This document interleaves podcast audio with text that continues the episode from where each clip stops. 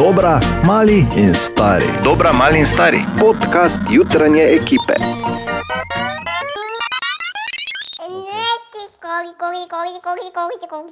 Tako, to smo hoteli povedati za začetek našega tedenskega Ima pa podcasta. nove škorne, pika polonica, kaj si bil, to je praznik. Poslušaj, dobiti besede. škorne je teže, kot gate in zokne. Den. Jaz bom samo rekel, da jaz sem razumel, kot uh, moj oče so tako stari, stari, stari, stari. stari. Pa Jaz pa ne vem, kaj ste vi. Oj, oj. Jo, V vsakem primeru se trudimo, da smo zjutraj, koliko se le da, zdravilo za, uh, za to konfuzno situacijo, ki je tam zunaj, in da se imaš fajn v naši družbi. Uh, in uh, tu so tudi najboljši momenti tega tedna, ki je morda vedno, mi vedno tako pač v to krenemo, morda pa je to zadnje. Ne? Kaj? Ja, Ja. mislim, pa, pa- pardon, morali bi v to kreniti, morda pa je ja, to ja. zadnje. Ja, ja, den, den svetuje, da moramo živeti vsak dan, kot da je zadnji. Ja, No, dobro, to Katja. zdaj ti pa. Ana, Okay, ja, dajmo, ne, v skladu s tem. so začele ledvice boleti, pa pljuča, pa srce, pa vse. Jaz sem, predstavljaj si, jaz sem zadnji, ki ga boš videla. Kaj bi naredila, preden končaš uh, to zgodbo na tem planetu? In tu so posnetki. Ne? Mislim, veš tako, Bor, Ja, povej, ja, je to ali ni? Pa, točno tako je, to je je, prava vprašanje. Ja. Tako. Hvala, da si bila bil z nami ta teden. Uh, tudi, pa, če tudi samo eno jutro, če tudi samo par minut, se slišimo tudi drugi teden. In tu so momenti. Še enkrat rečem teden, pa se grem obesiti za jajce dol z pohoda. Hvala lepa. Katja, Ana, Bordejan, želimo dobro jutro. Dobro jutro. Ponedeljek, 25. januar in stara resnica pravi, nič te ne zbudi v ponedeljek zjutraj, tako kot dobra uganka. Na vse zgodaj zjutraj. In naj povem, 15 čez 6. ja, 16 če 6. Bodimo Ne natančni. morem biti nazaj v poslu, malo še tako se zazdelam. V redu, v redu. spet moram zmagati, kaj? ja, tako. Ja, na druge te ne prestane. Pazi, 10 sekund boste imeli samo časa za odgovor, oziroma za razmislek, pardon, in pol po razmisleku poveste odgovor. Ste pripravljeni? Zazeham, ne? To še Ne. zazeham ne, v tem Ja, času. ja, ja, v redu, v redu. Poslušaj, uganka se glasi. Ali lahko, brez da uporabiš ponedeljek, torek, sreda, četrtek, petek, sobota, nedelja, imenuješ tri zaporedne dneve? Ja.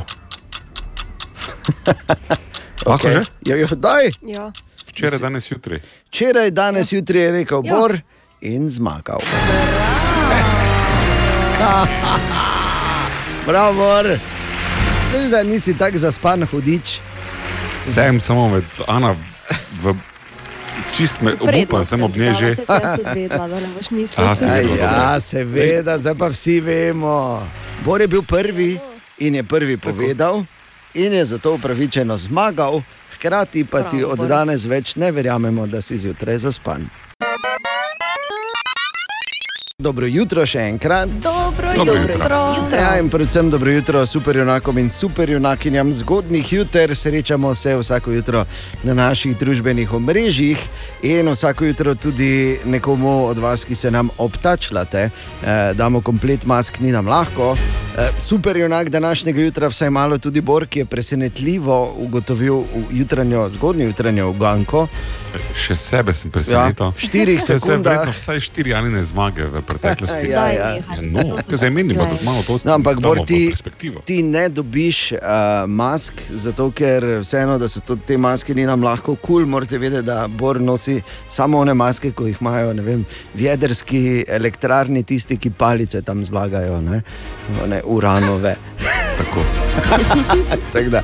Ampak eh, tudi danes zjutraj smo izžrebali nekoga in sicer Silvestra, ki nam je napisal, da je zelo težko vstal danes zjutraj, že pred četrto ob 43 minut, ampak da ga je ob vsem zjutraj na poti. Uh, iz meglene zimice v Maribor uh, prevzel čudovit pogled na, meta, na Metavskem bregu, kjer vidiš cel Maribor z luno obsijan in nežno meglico. Ja, pa in. Pa Kaj kak pa lep. to? Pogled na Maribor je vedno lep, če pa je tako romantičen, pa še toliko bolj. Ne? Tako da, Silvester, uh, hvala za vse in uh, komplet mask ni nam lahko dobiš po pošti, brez skrbi, sicer pa še enkrat super junaki in je super junaki zgodnih juter. Ne pozabi, vsako jutro se srečamo oziroma se napišemo na naših družbenih omrežjih in ostanite zdravi in hvala lepa, da pomagate, da se kugla še naprej kot ali. Pa dobro jutro. Dobro jutro. Dobro jutro. Ena od treh, treh, treh. Jutranji sprehod po zgodovini popularne glasbe. In danes ima svoj 40. rojstni dan Ališa Keys. Ja. Uh. Jaz imam občutek, da bi se mi dva z Ališo super, super razumela. Tak, če bi bila več prijatelja. Ja, Ne? Ona tak. lepo poje, jaz ne. ne. Ona, mislim, oba igrava klavir, klavir, to je edino, kjer se ne bi dopolnjevala. Drugače pa smo tako zelo kompatibilna, mislim, da. Zato se mi zdi, da v eni zvezi dan je najmanjša stvar, če pač se okoli ene stvari malo zmenita. Ne? Ti bi njej rekel, gledaj, Kak ti izvezi, jaz govorim igraj. prijateljsko. No, Jaz saj govorim vemo, prijatelj, kaj tako bi se mi prijateljstvo dva. zna prerasti, ne, ampak ti Ne rečeš, ne, nič gledaj, ali že ti na koncertu igraš klavir, jaz sem pa doma, ne, torej ti imaš koncertne note, jaz pa domače. To je pa res super. Ja. Ja, no, pač, Kaj bi to bilo? Jaz sem samo rekel, da bi se razumela, na, zdaj ti razvijaj te, te premise. Sicer pa, recimo, morda marsikdo ne ve, da je Liša Keys v bistvu svojo kariero začela kot igralka in sicer v The Cosby Showu je se pojavila v eni epizodi. Ne? Tam se je začelo, ne me vprašati, v kateri, ima pa uh, že 15 gremijev in pol.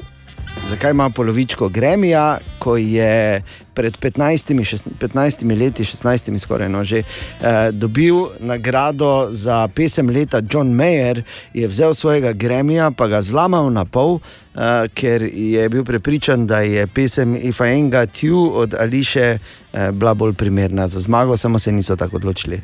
Pa kako lepo. On pa ima na isti dan rojstni dan kot jaz, recimo. Ne? Spet, gledaj. No, ni na pa ključi. kaj Ni na ključi, kaj se menimo. 14 minut pred sedmo, Ališa Kis, številne, številne hite je nanizala v teh dobrih dveh desetletjih na glasbeni sceni.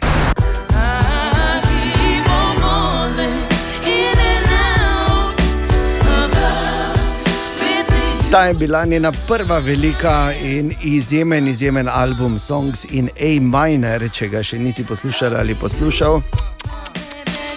Ali pa denimo Underdog, So I sing a song for the hustlers trading at the bus stop.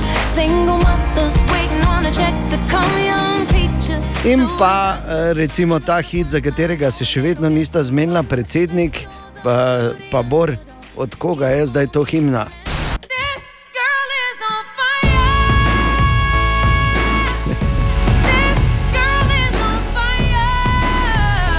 Ališa Kis je torej danes stara 40, kaj bomo, Borovo oziroma p- predsednik. Uganki.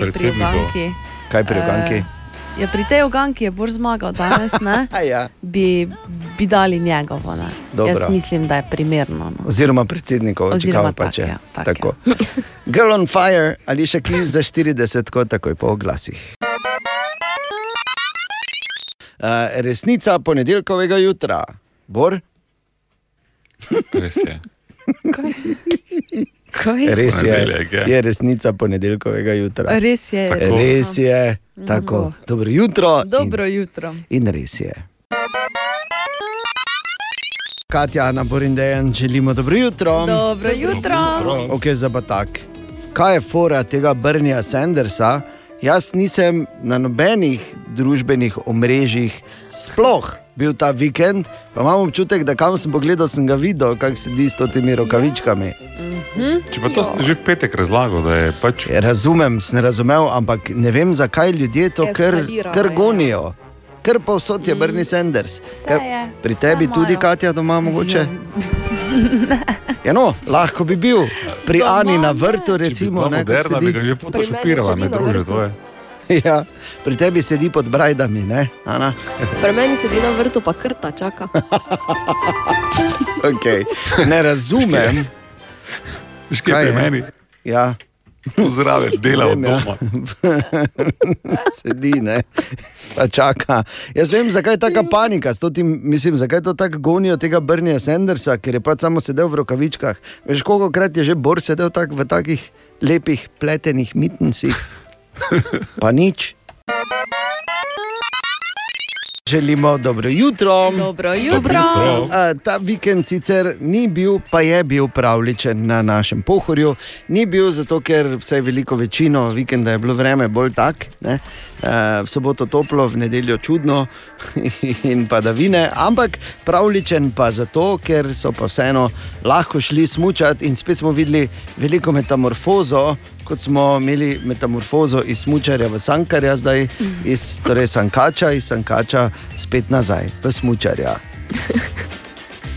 Tako smo pač mi, eh, ekstremno prilagodljivi. No, šel pa je eh, eh, ta vikend na pohorje z mikrofonom tudi David. David, dobro jutro.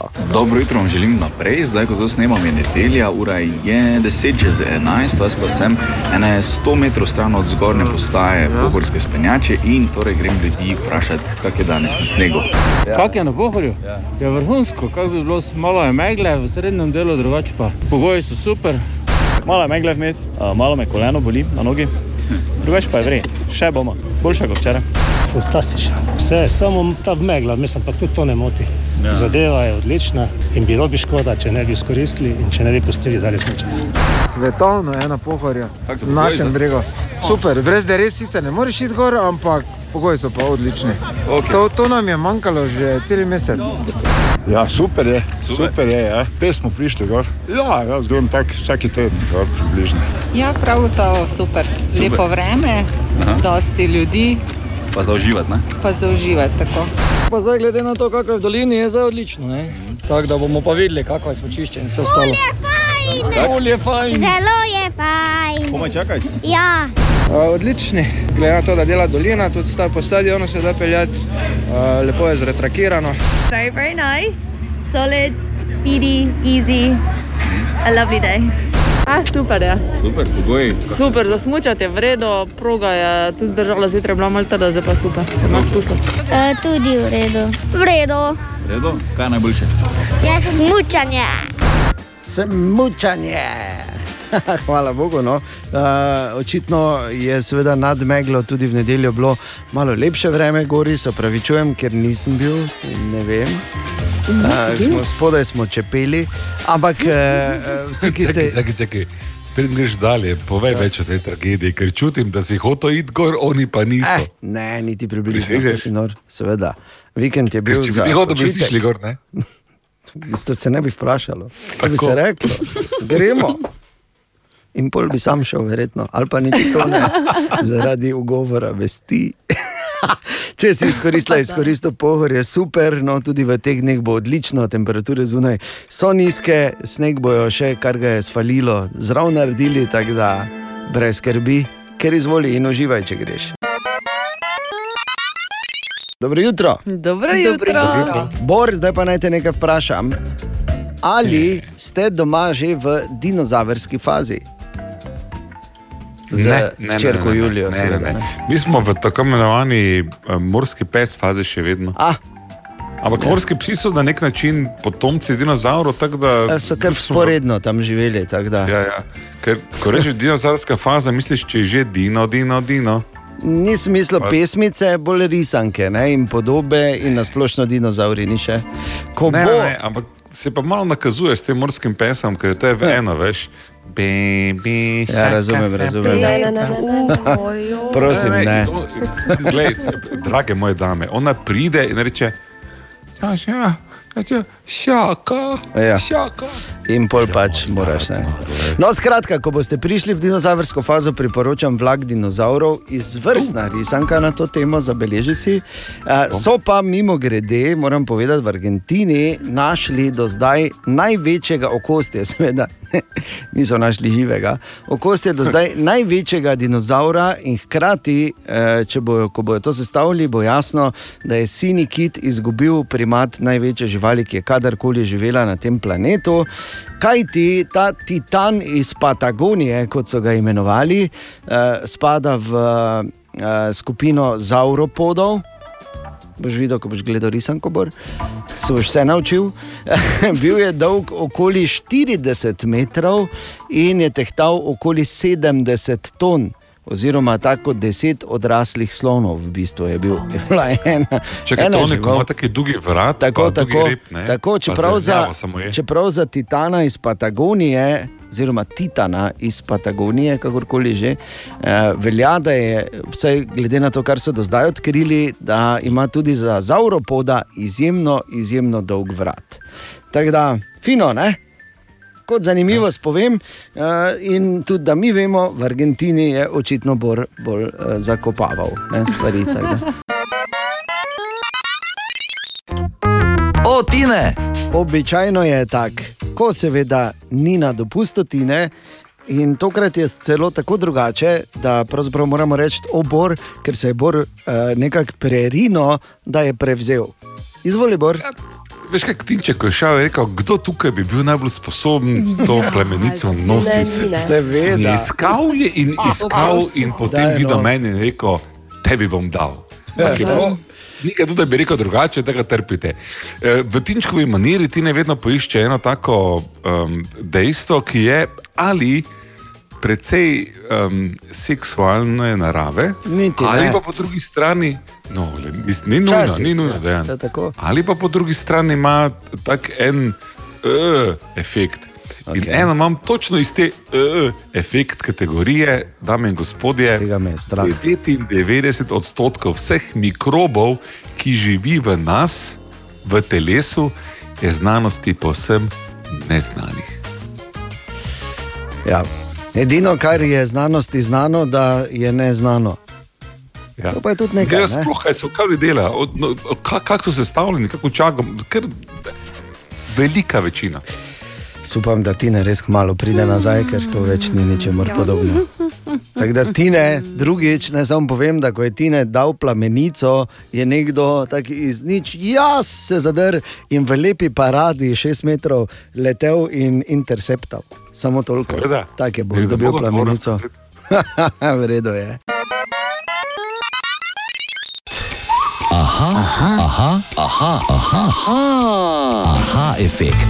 In Bor danes odgovarja na vprašanje poslušalke Nike, ki jo zanima, na podlagi česa se uvrstijo skladbe na glasbene lestvice, oziroma kako se to določi. Bor. Eh, Kot pravi stari pregovor, sto ljudi, sto čudi, oziroma sto radijev, sto različnih metod. eh, Eni uporabljajo recimo eh, število prodanih albumov, tako je bilo včasih, eni se zanesejo samo na to, kako ljudi to izglasujejo. Ampak, glej, eni imajo kombinacijo tega, ker jaz ne morem govoriti za vse radije, lahko pa za našega.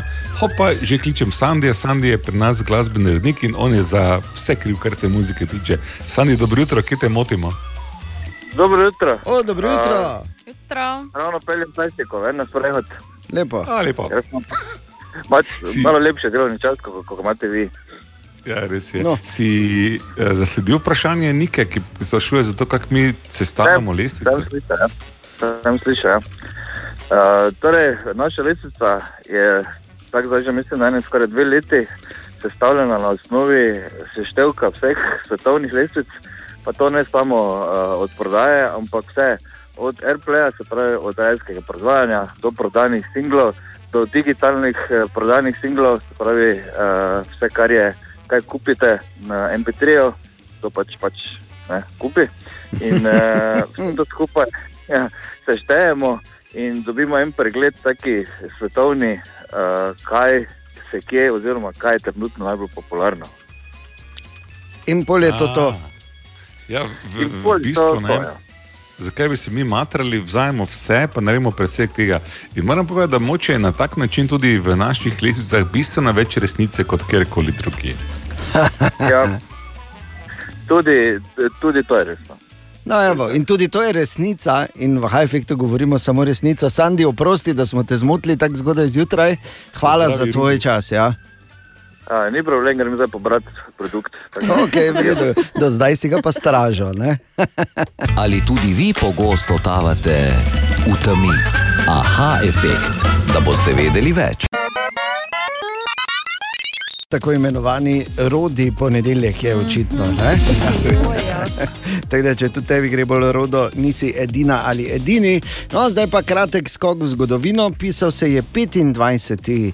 januar leta 1858, ko je Mendelssohn prinesel v cerkev partituro in prvič se je skozi orgle zaslišalo.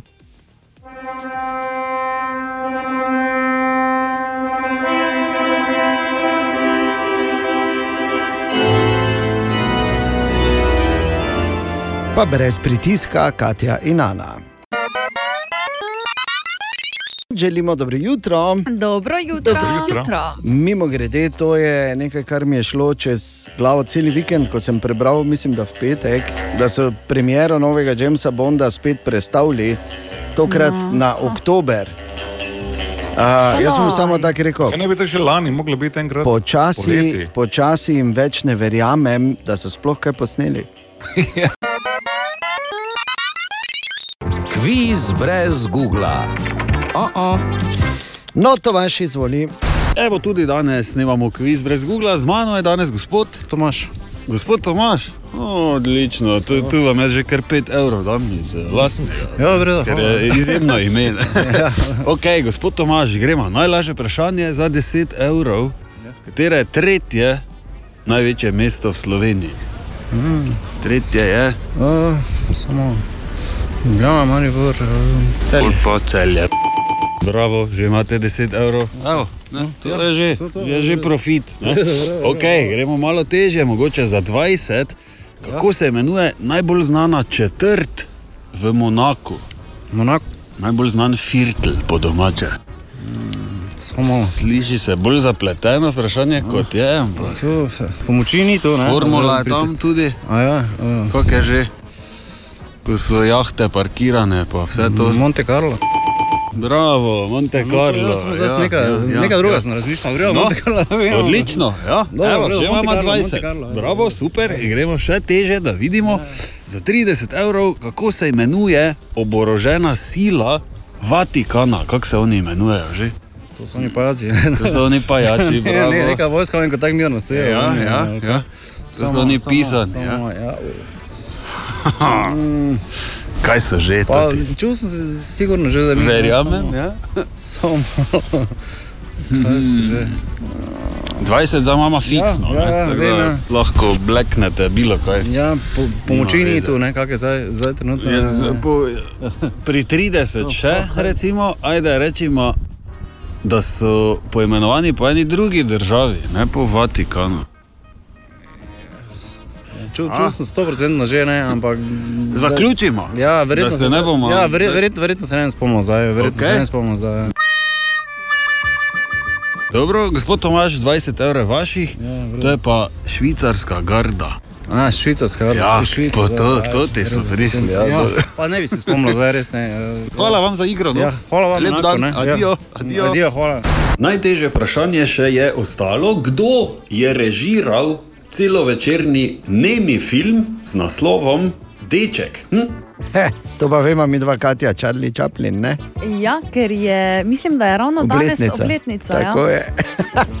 Smo nekaj gledala. Bi pa samo opozoril na. Samo zas počutim budastega. Ana, Ja, pač. Ja, reči, jaz da se nisi vedela, prosim. Ana ima nekaj za sam. Bi pa samo čestital, za, ko je bilo vprašanje, kdo pazi, oziroma kako se imenuje vojska Vatikanska, to so oni pajaci. Jaz sem to Ja. Tomaž Ja, ne samo- daleč od Tomaža. Ko ne. te to ti pajaci zložijo, ne, preden veš, kaj je, kaj je gor, kaj je dol, ne samo toliko. Ampak ja, odlično, ful, ful dobro. Torej, odgovor še potrditev, Tomaš je tak. To pa je bil Charlie Chaplin. Seveda, ja, prav, mi dva, prav, Katja, petka je. Ko da bi To je bila rabila na videzna ne. petka, na daljavo skozi pleksi. Evo, Tako, dvojni plik. Kviz brez Google. Oh -oh. Vsako nedeljo, dobro jutro, mimo grede. Ne? Ja, dobro jutro, ja. Tako, Dobro vsako jutro. nedeljo imamo na Instagramu en prav poseben kviz, Uh, in seveda, potem ponedeljek zjutraj nekoga žrebamo in damo maske, ni nam lahko. Vsebina kviza jasno je povezana z vsebino tega, kar slišiš pri nas v tem tednu. In Katja, če bi morala označiti najtežje vprašanje, ki je bilo na tem včerajšnjem kvizu, bi to bilo. Mm, vprašanje Tomaža in Frasa, torej Marka. Uh, Ja. Tomaž je razkril, da se uči. Mhm. Kaj se uči? Kitajščine, Ja. nizozemščine ali pa italijanščine. Italijanščine, ne? Ja. Bravo. Bravo. Ja, bravo, no, jaz bi lahko dobil. aplavz, Pa no. ne bom si dal, Pa če pa se pa veš, je pa ok, malo začne sili. Ja, In koga med uh, vsemi, ki so pravilno odgovorili na vsa vprašanja, smo ribali danes zjutraj? Izžrebali smo Aljano. Bravo! Tako, Aljana dobi po pošti komplet mask, ni nam lahko, da bo full cool, ti pa ne pozabi spet prihodnjo nedeljo naš eh, Instakviz in ga reši, in mogoče se bomo o tebi menili prihodnji ponedeljek. Tako. Želimo dobro jutro. Dobro jutro. jutro. Danes je že 26. januar in kakorkoli obrneš, uh, za en drek so pač ti časi, v katerih smo, pa nič eh, ne kaže, da je konec že kaj blizu. Ne? Ja. ja. Ampak eh, zato pa se pravim, ne, fajn je, da si stvari popucamo v glavi, da nam je vsem hudo, nekaterim na podoben način, vsakemu na svoj način, zagotovo. In lažje je, če recimo greš v nov dan in že takoj na začetku narediš kaj lepega za sočloveka. Ne? Bodi si je to misel, beseda, drobno dejanje. Zato naj jaz samo še enkrat vsem povem, ne. Bor ni tako star, on je letnik 1972. To si zdaj povedal, ko se počutim 1812, približno. No, izgled je pa seveda nekaj povsem drugega. Web, web, web check. Pa da slišimo, kaj pišejo, Katja. Več kot 500 dijakov petih umetniških gimnazij ministrico za, ministrico za izobraževanje Simono Kustec z videom poziva k odprtju šol, No, no. oziroma vsaj k individualnim uram. Pametno. Pripravili so pesem, seveda zraven posneli video, saj so mnenja, da gre umetnost skozi srce in ne ekran. A, res je. Še kaj drugega. Čeprav veš, kak je, ne? ljubezen uh, pride in mine, uh, ampak uh, jabolčni štrudel pa ostane zavedno. Ja, kako, če ga poješ? No, mislim, nekdo, ki zna delati jabolčni štrudel. A, ja, ja, razume. Aha, Razumeš okay? Okay, razumem, razumem. No, imamo eno lepo zgodbo, ki prihaja iz Kolorada in sicer je tam en gospod vsem delavcem v kavarni pustil 200 dolar, ameriških dolarjev na pitnine. Vsakemu? Vsakemu posebej. Oj, je Ja, ne vsem skupaj. Uh, mislim, da jih je bilo enih sedem takrat službi, šest, sedem, nekje tukaj. Zakaj? Zato, da se jim v bistvu zahvali, ker še kuhajo kavo in ker pač Ja. pip. On Aha, lahko okej. gre na kavo. Ne? No, jaz bi, jaz bi samo rekel, da pol bi jaz tudi mogel dobiti vsak dan nekaj, ne? pa nič ne vidim. Se pa dobiš kavo vsako jutro. Ja, pa kdo naj vse, eh, to je se vseeno. Sam, se, sam, sebi, daj 200 sam sebi bom dal 200, Najboljše. ko jih bom imel, seveda. In pa zagotovo nas čaka lepša prihodnost. To, to, HBO bi, to bi želeli verjeti. Ja. Ja, jaz, jaz sem pripričana popolnoma v to, ker HBO Max, oziroma kot se prevaja pri nas HBO Go, ker Ja. na Go lahko vidimo vse eh, vsebine, ki jih imajo drugače na Max, Dobro. se dogovarja za snemanje serije Harry Potterja. To pa res bo lepša Ja, prihodnost. seveda, za ni- vse. zdaj, ni še popolnoma jasno, v kateri časovni okvir jo bodo dali, kdo vse bo igral, kje se bo snemalo. Je pa dejstvo, da um, se že potekajo dogovori s pisci in pa ustvarjalci. In jaz mm. sem sama sebi polepšala dan, hvala lepa, adijo. To je točno to, kar, točno to, kar rabimo, seveda. Ne? Enega pubeca, zaznamovanega fizično in psihično, z veliko psihološkimi težavami, ki živi v kraju, ki ne obstaja, z živalmi, ki ne obstajajo in ki je čarovnik. Ne Sliši se kot, sliš, slišijo se kot atributi za našega novega predsednika vlade. Mislim, enkrat, ker drugače ne bo šlo to rešiti. Rabili bomo čarovnika. Miš, da ima v predalu zlati zviz? Boljše, da v predalo, veš, kam se eni zvizdajo. Webček. In je pol minute pred pol devet, eh, pol sedem, pol deveto. Uh, Uh, Kako se pa mudi, kako se pa mudi, o, pa kam se pa tebi mudi, fantek. No, nič, grem samo malo, se veš. Torej, še malo pa v prsi. Uh, moram eno stvar vprašati, ker danes imam Ne, bitke. Ne, ne, noben test in kvisni. Okej. Ampak ali se je še kdo danes res težko vstal zjutraj?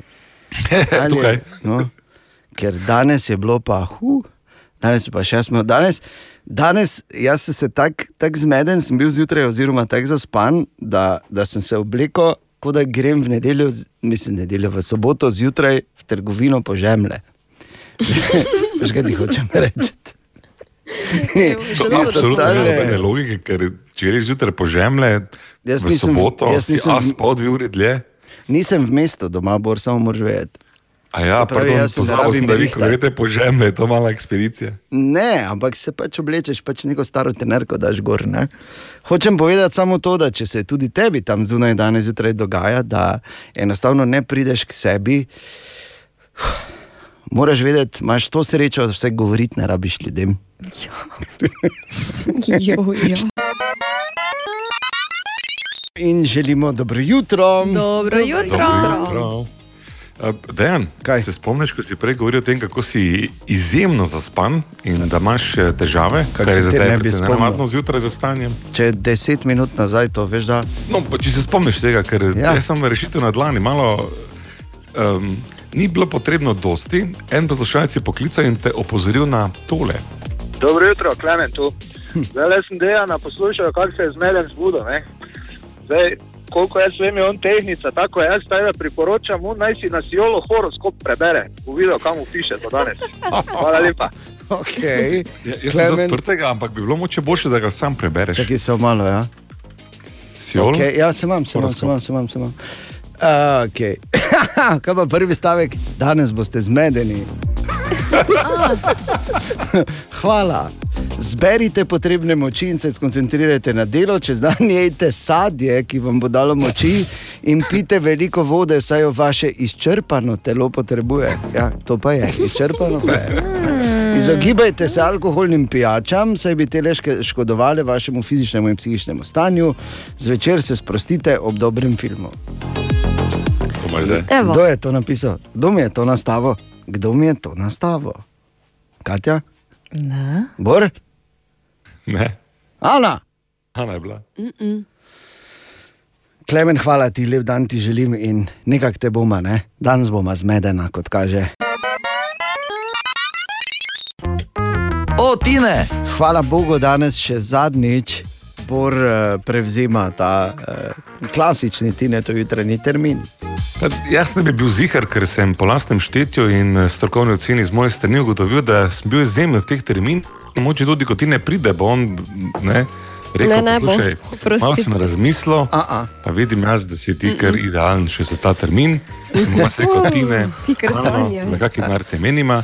In bom rekel, poslušaj, 100, Seveda. 200, ima zdaj rekel, glej, pod 300 ne grem, sem dobila pri 270 in Mhm. potem vsako jutro lepo capa capa. Pri Ribe. 270 se bo to dobilo. Ribe imajo pa danes v horoskopu, da bodo malo napihnjene. Ne? Ja, da bodo vse blowfisharce. Če bo 260, je vredno, samo jaz pač zdaj čez palec neko oceno dal. ne. Mhm. Um, zanimivost jutra v Tinetovi maniri, ali ste vedeli, da španska beseda esposas pomeni no, Žene. žene, ne? Ja. žene, žene Mhm. hkrati pa pomeni tudi lisice za vkleniti. To je ista beseda, ki ima to pomena. Daj. Lisice za vkleniti. Bor, če smo pametna, tega absolutno ne bomo komentirala. Ja, Sedem minut, če smo nas. pametno ste se odločili. Sva, ne? Ja, res. In vprašanje za AHFX za danes zjutraj, Katja. Imamo vprašanje Mateje, ki je prav tako pisala na jutro na radio city.si in eh, jo zanima, oziroma pravi tako: v teh časih, ko so se ljudje bolje seznanili s tehnologijami videokonferenc in klicev, ali pride zdaj do manj človeških napak, kot eh, naprimer, da se tuširaš in sprejmeš videoklic, pozabiš, da te ljudje vidijo golo in da ali pa da pomotoma vklopiš eh, oziroma pozabiš izklopiti videokonferenco in podobno. Okay. Zanimivo vprašanje. Ja, ja. Me bo, z- zanima me, kako bo kdaj, ko bodo. dva, dveh, bo to zdaj v praksi malo zvedelo. to je ja, to smisel, kdaj se bo zgodilo, da bomo mimo eh, tega, pa bomo imeli kak sestanek več v živo, pa se bo nekdo vstal, pa si sleko hlače, pa kar šel. Ker bo to normalno. Dobro vprašanje. Aha, aha, aha, aha, aha, aha, aha efekt. In bo odgovarjal na vprašanje Mateje, ki jo zanima. Tako je namreč napisala v teh časih, ko, se, ko so se ljudje bolje seznanili s tehnologijami videokonferenc in klicev, ali pride zdaj do manj človeških napak, kot so nagi pod tušem, ne? v gatah se vstaneš, greš, pes, nutela in tako dalje. Bor. Da je nekih podatkov, da bi jih lahko našel, o tem sveda ni, ker je vse skupaj presveže, da je bilo raziskano. Ampak lahko se pa v teh novih časih ali pa teh novih razmerah zanesemo na stare modrosti. In stara modrost pravi, da ljudje grešijo. Kar pomeni, da zdaj, če več ljudi uporablja nove tehnologije, je napak samo še več. Res pa je, ne, da s časoma tisti, ki jo uporabljajo več, pa tudi napake delali vedno manjkrat. Kar pomeni v prevodu, Ana, Katja, Ja. kaj je s temi prišla s niz potuša med sestankom, bomo zdaj nam še dolgo mogli čakati na tako enostavno napako. Pa dobro, Borno. so se zdaj v tem trenutku pokvarile slušalke. Res, ne Ja. slišiš nič, ne? Jaz pa gledam, Da meni pa, o, gledam, meni pa video klic več ne dela. Ja, Joj, Grozno, joj, ne? se Nič ne stanka, slišiš, tudi radio, ne, ne, glej, glej. Vidiš? Tako da naj povem samo, da obstajajo, ja, v redu. Katja. obstajajo napake in obstajajo pod narekovaji napake. Ne? Tako da, tudi če vidiš koga, da ti pokaže rit, to verjetno ni slučajno. Čeprav bo rekel, ojoj, pardon, pozabil sem gasniti. Ali tudi vi pogosto totavate v temi? Aha efekt, da boste vedeli več. Želimo dobro jutro. Dobro Dobro jutro. Še kje obstaja nekje pravlična dežela, kjer uh, ti daš vodo vred, noter malo soli, vržeš noter testenine in se sploh ne rabiš ubadati s tem, kdaj bodo glih prav kuhane. Ne rabiš noštop zraven hoditi, probavati, si spečti jezik, prste, ali so že dovolj trde ali ne, kako izgledajo, ne vidim prav, ok, bom enega ven vlovil, preden špaget vun dobiš. Ne? Joj, ja. Vse reš, vse okoli. Pol uh, ga tako na vilci nesem, jaz običajno nad umivalnikom stojim, pa tako piham, no, tako da sem nor. Pa ti dol pade, ne? Pa tako malo, pa, ja, no, tudi. Ja. Ampak če ne, pol tako malo za zobe, ki probam, ne, če že je, prav al dente ali ni, to je ta zvok, ki ga naredim zraven. Nja. Pa še vseeno se malo Nja. pečeš. Ne? Vedno se opečem, Da, že v prst, če ne potem v žnabe. Zdaj meni rečeš, da ko špaget vun potegneš, da ga naj daš najprej pod hladno vodo. Bor.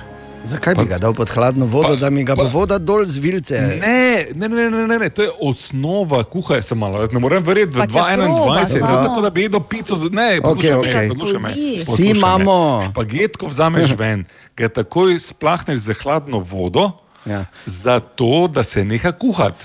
Da, da, uh, da ti pade noč šalico od kave, ki je nisi tako umil. ne. Uh, ampak gre sa, vsak ima svoje težave. Ampak hočem povedati, tudi te velike težave, s katerimi se sooča človeštvo, se lahko uh, spremenijo oziroma zginejo.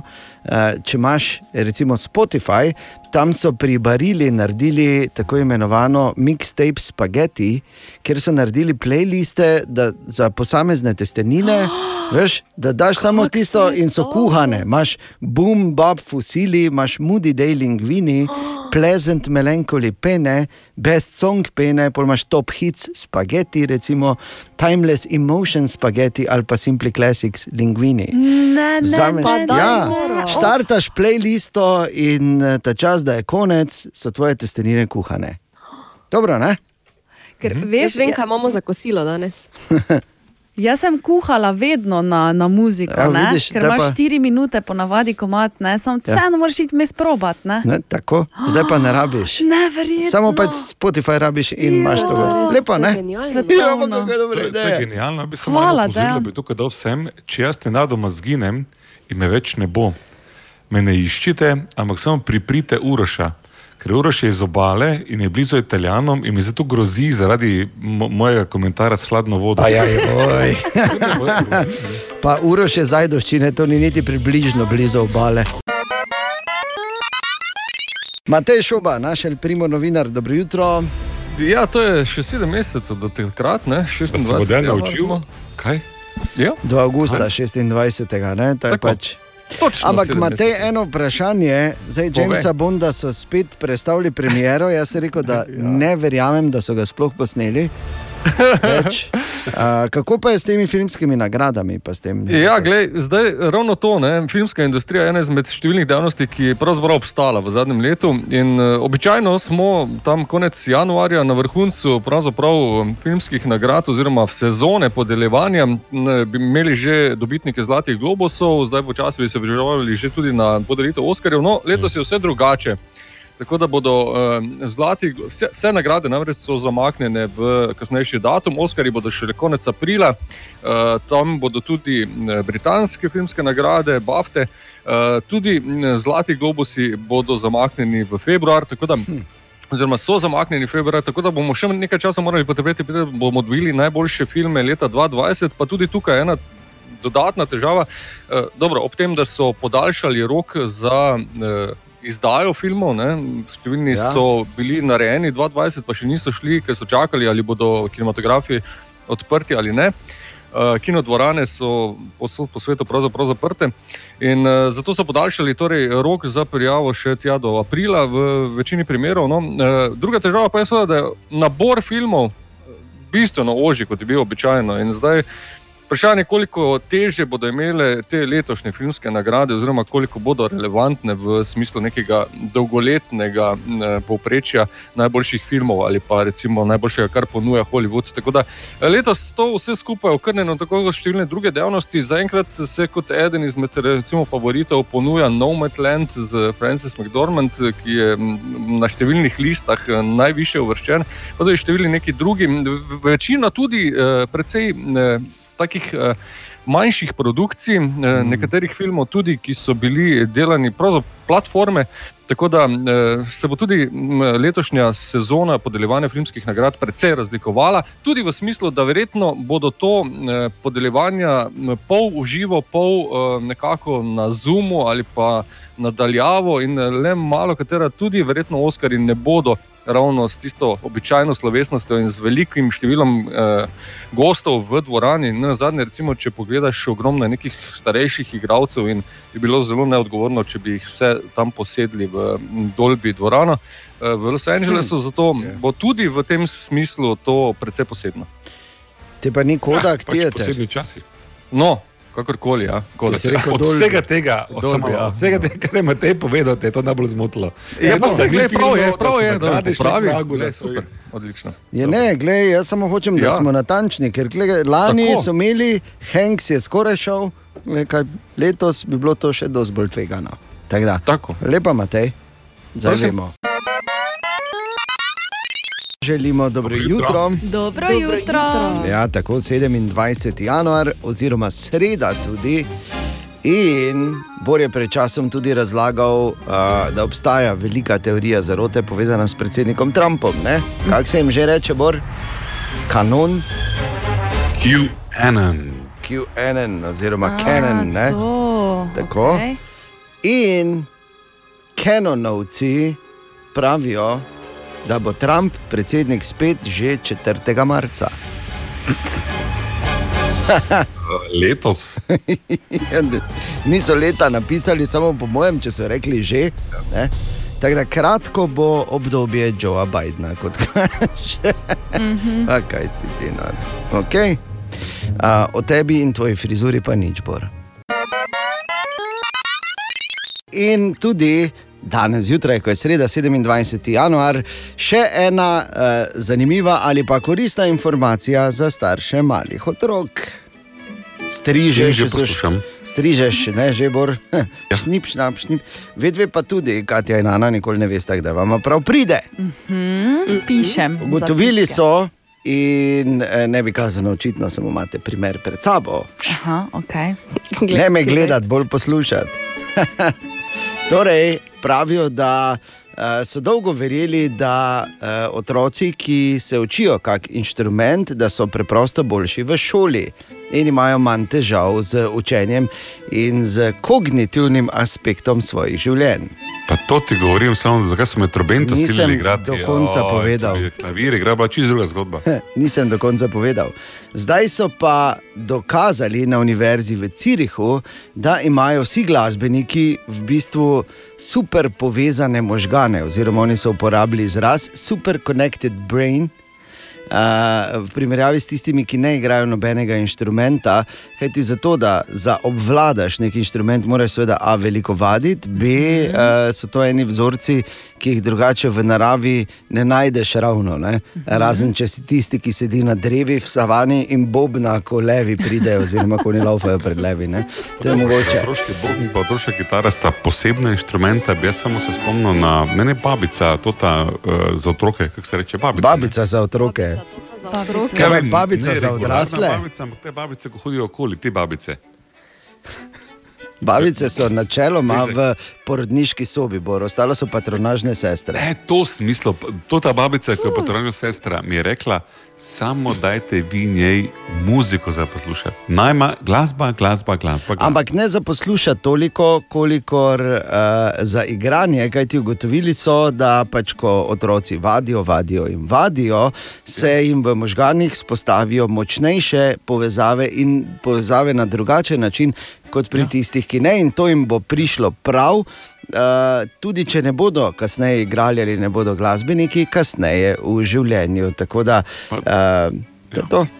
kaj ja, kaj ja. No, najprej posluša. Trikrat si pihnil v trobento. Ne, ne, najprej posluša, Kaj zdaj v, kaže, v, fazi, ko kaže brinka, brinka, da onega na cesti, zdaj pa ata počasi šel po pravo kitaro. Veš. Ne, še A pa daj nehaj. Pa bobne. Ne delaj teh napak. Bobne, kupi bobne, ja, kupi prosim. bobne. Bobne. Ja. Jaz sem za bobne. Ja. Mi smo jih imeli, ni tako hudo. Ni tako Pa hudo. bolj povej, kak je. Ni tako hudo, jaz ti povem, mi jih imamo. tak da. Ni Ni tako tak, hudo. eh, ni taki problem, sploh če ata roker po duši, kar borni. Ja, kupi bobne. 16 minut, čez šesto, to je ena od takih informacij, ki morda pa pridejo prav. Web, web, web, web check. In kaj se piše po spletu, Katja? Raziskava, ki so jo naredili raziskovalci Univerze v Washingtonu, je pokazala, da smo v bistvu ženske tiste, ki smo krive, da so psi postali take vrste hišni ljubljenčki, kot pač so. Torej, da so dobesedno del družine. Pa ne samo za pse, ampak. Zdaj govorimo o. Zdaj govorimo o raziskavi za pse. Ja. Dobro. Torej, s tem povezujejo potem tudi dejstvo, da je vez med žensko in psom veliko močnejša kot med moškim in psom. A smisel, da boš rekla kot med žensko in moškim? Tudi. V, v mnogih primerih. Mnogi, Ja. ja, ja, ja, ja. Torej, nismo mi krivi, pes je kriv. Pa tista prva ženska, ki ga je privlekla domov. Običajno, ja. ker ona gre, pes pa ostane. Netflixova produkcija se ne ustavlja in sicer so napovedali izziv nove kriminalne serije O. The, Van The Vanishing at the Cecil Hotel. Opala, Uh, povedali bodo Cecil Hotel? Cecil, pardon, ja. Uh, povedali bodo zgodbo o misterioznem izginotju Elise Lam, ki je bila zadnjič videna na posnetkih kamere iz dvigala, kasneje pa so potem njeno truplo nekaj, oziroma več kot mesec dni kasneje našli na strehi, um, tam, Eh. kjer zbirajo vodo. E, Torej, v bistvu po resnični zgodbi, torej. Tako. Oj, oj, oj. Ah, to jaz, jaz to ne morem gledati, res ne. Ne. Jaz to tih resničnih ne morem gledati, ker uh, ali pa se sam sebe na 15, da gre za izmišljeno zgodbo. Ker ko gledaš, uh, mislim, vse eno je, ko so grozljivke, pa so ti trilerji, pa je to. Ne? Ja. Ampak uh, kako kruto pa zna biti v realnem življenju, ne? to pa presega tudi najbolj bolane domišljije, se meni zdi. Ne? Res je, zato gremo na lepšo novico. Je In uh, sicer prav tako povezano z Netflixom uh, za vse oboževalce Brooklyn Nine-Nine serije. Ja. In uh, sicer 26. marca. Od 26. marca naprej bo mogoče na Netflixu gledati sedmo sezono. Lepo. To so pač taki hecna detektivka, eno taki sitkom, fulovra, tako zabavno, no? priporočam. In pa deset najbogatejših ljudi na svetu je v zadnjem letu, v času pandemije, torej, ja. zaslužilo toliko denarja, da bi lahko s tem denarjem plačali cepivo za čisto vse zemljane. In kaj vas drži nazaj, Bor? Webček. Dobro jutro še enkrat. Dobro Dobro jutro. jutro. Um, torej, eh, čas, da spet malo podebatiramo, ker če kaj, kaj radi delamo, radi debatiramo s tabo, jaz s tabo in s tabo, pa s tabo tudi. Seveda tudi s tabo, brez skrbi, Res? da tudi s tabo. Tako si šel zdaj skozi vse, ki Jaz- so tam zunaj. A Ja. nas si pa pozabil. Ja, Ja, pa dobro, vi ste. Na mene, si, na mene je kazati, da sem- se vseeno. No, okay. Kaj debatiramo? Nisem kazal na tebe, sem kazal povsem v napačni strani. Mislim, čist drugam. Sam tebi se zdelo. Pa, kaj je debata? Ajde. Torej, debata je in to na naših družbenih omrežjih. Pazi, če bi se lahko vrnil v katero koli obdobje svojega življenja, katero obdobje bi to bilo? Okay, tako imam pod vprašanje. E, torej, ne moreš zdaj z tem umom, ki ga imaš zdaj, iti nazaj ne, v drugo telo. Ja, s tem, ko imaš zdaj, če bi se lahko zdaj vrnil nazaj, kam bi se vrnil? Razumi, kaj hočeš. V vojsko. Torej, koliko bo to nazaj? Vojsko. Poslušaj, tako sem takrat, tak- glej, tako sem takrat jamro. Ne, Po eni 97 nekje, ne? Ja, tu nekje. Po drugi strani bil pa je res telesno pripravljen. Pff, takoj. okay. Bor bi šel nazaj, ko je bil star 25. Torej. Vedve? Jaz bi šla nazaj takrat, ko sem bila stara ena. Tako nimam neke dosti možnosti. Zato, ker si zdaj 12, ne? se zato Ja, ne. res je. Pač, um, veš, takrat to, to mi je taka idealna izbira, zaradi tega, ker še ne veš točno, da obstaja čokolada in je ne smeš vedno jesti, ko si želiš. Pa vse ti dajo. Ne? Zaseko pa to. Ja, ne. zdaj si ga predstavljaj peklo, v katerem ti veš, da čokolada obstaja, imaš pa rokice, ki Ne, ne, ne jaz moj um pustim zdaj tukaj. A ti Jaz tvoj um moj pustiš tu? pustim, Da se lahko mi z njimi igramo. Ja, vi se kar špilete. okay. Ana, Ja, jaz, če bi šla nazaj, bi šla nazaj v obdobje osnovne šole. Ampak ne z to pametjo, ki jo imam zdaj, ker takrat je bilo čisto fino vse. Če pa bi Je mogla bilo? pamet vzeti s sabo, bi pa šla v obdobje srednje šole, ker tam bi pa malo več Hmm. pameti rabila. to je malo. ja, valjda. bi pa samo rekel to, da za vajo je to malo tak. Ne? Ker res nimata dosti na izbiro. D- Recimo, moj diapazon je že širši, da se o borovem sploh ne menimo. Ne? Ja. To, je, to je res. Jaz bi šel nazaj samo do tiste točke, uh, ko me na vse boli, že, ne, po najmanjšem naporu. To, do tiste točke bi šel, drugače pa ne bi nič menjal, jaz ne bi šel več nazaj, meni je zdaj najbolj fajn. Da, razen da me vse boli. Ja. No, vidiš. Me vse boli. ja, enako. Jaz bi šel glih Koliko toliko. tiho Štiri leta, pet mogoče. Samo da me naboli. Samo. Samo da me naboli. Ja. Ojoj. Kaj pa ti na naših družbenih omrežjih povej, če bi se lahko vrnila ali vrnil v katero koli obdobje svojega življenja, katero bi to bilo in zakaj. Eh, lahko pa seveda tudi kadarkoli pokličeš na servis 211, porabiš povej na Radio City app ali naš e-mail jutraf na radio city.js, posod skratka, izvoli. No, ni dolgo trajalo, pa je že poklical Rajko v naši debati. Če bi se lahko vrnil v katero koli obdobje svojega življenja, katero bi to bilo in zakaj. Torej, Rajko, Dobro jutro. Jutro. Uh, Rajko pri telefonu. V bistvu rad bi samo povedal za to vrnitev v preteklost. Uh, in sicer um, Jaz sem v življenju doživel marsikaj, star sem 51 let, uh, bi se pa vrnil nazaj uh, v dobo oziroma v obdobje uh, rojstva mojega prvega sina, se pravi prvega od štirih. Zaradi hmm. tega, ker če se ne bi vrnil do tja, potem bi ta svet bil prikrajšan za štiri čudovite osebe. Ja, bravo, rajko, pa kaj si. lepo. Ha? Lepo. Res. Res.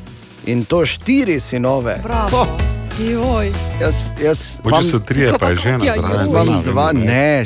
prvi od štirih je rekel sinov. Tako da, kaj, zakaj bi pa žena prišla na svet? Ona je junakinja te Rajko, zgodbe. nazaj, še kako za ženo rečemo. Ona je kar bila instrumentalna pri teh štirih. O, jaz imam dva, pa je kar so polne roke, bom rekel. Ne? Tako da rajko štiri, klobuk dol, a, 14 minut pred sedmo, debata teče tudi na naših družbenih omrežjih. Izvoli, bomo veseli, če slišimo tudi od tebe. Želimo dobro jutro. Dobro jutro. Ja, lepo pozdravljeni. Kaj pa, ko bo Nova Zelandija zaprla svoje meje do konca leta 2021? Ne? Hočem samo povedati, če se hočeš rešiti, hitro ja. zdaj tja preden zaprejo, ker pol ne bo mogla do tebe. Ja, gledaj, sebi prišel, samo meja zaprta, kaj naj. Na črno plavam.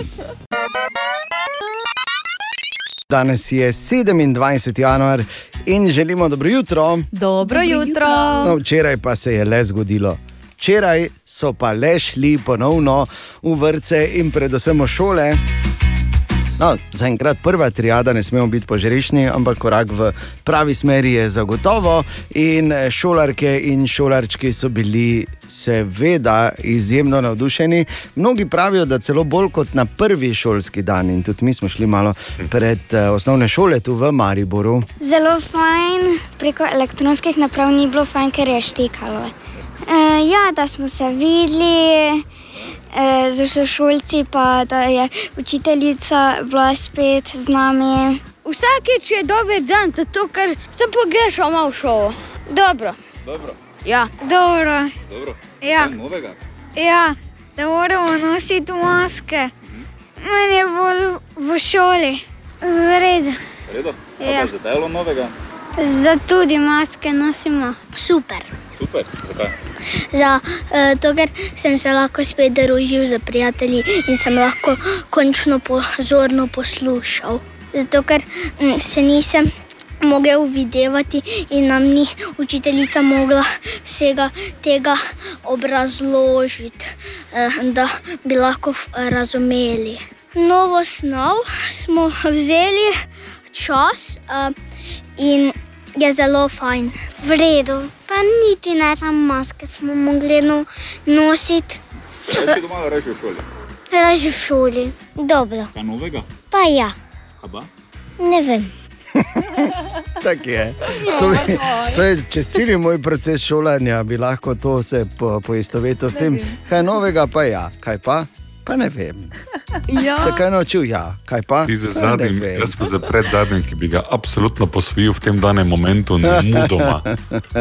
ja, in uh, jaz se kar eh, moram reči osebno, ker pač kot mnogi starši doživljam to šolanje od doma in vidim, kaj to dela otrokom. Jaz uh, sem grozno, grozno jezen na vse skupaj, ker je iz dneva v dan samo slabše in ne samo boljše. In vse stvari, ki otroci so se mi zdi, da največje žrtve eh, tega COVID-a. Uh, ne glede na to, da je mnogo ljudi umrlo, pa se mi zdi vseeno, da, uh, da če je to naša prihodnost, potem je to pač slabo, kako se pač s tem upravlja ta trenutek, ampak verjetno so pač razmere take, da ne gre drugače. Upam, da bo kmalu uh, spet vse tako, kot je bilo, ali pa da bodo vsaj v kaj jaz vem, po katerem, tudi če so po programu R. Pa tudi če so v mehurčkih, pa tudi če morajo jih luftati v eno, tako da bojo v bundicah sedeli v razredih, vseeno mi je, samo ja, da grejo nazaj. Rešeno še ni, to da sta še doma. Ne? Ja, seveda. Pa ne- Tudi mnogi, da se ne pogovarjamo o srednješolcih, kaj šele študentih. Sreda je običajno dan tudi, ko se pove kaka, ki je preveč butasta, da ne bi bila resnična. Danes eh, tudi ta zgodba nosi sabo eno opozorilo. Zgodilo se je v Mehiki, niti ne tako dolgo nazaj, v bistvu par dni nazaj. Ko je uh, pač en par, gospod in gospa, poročena že vrsto let, in on, uh, ki ima seveda izjemno rad svojo ženo, najde ene njene stare fotografije, ko sta bila na plaži uh, in uh, sta pač se slikala v kopalkah, jo je slikal večkrat in njene stare slike najde, si jih poskenira.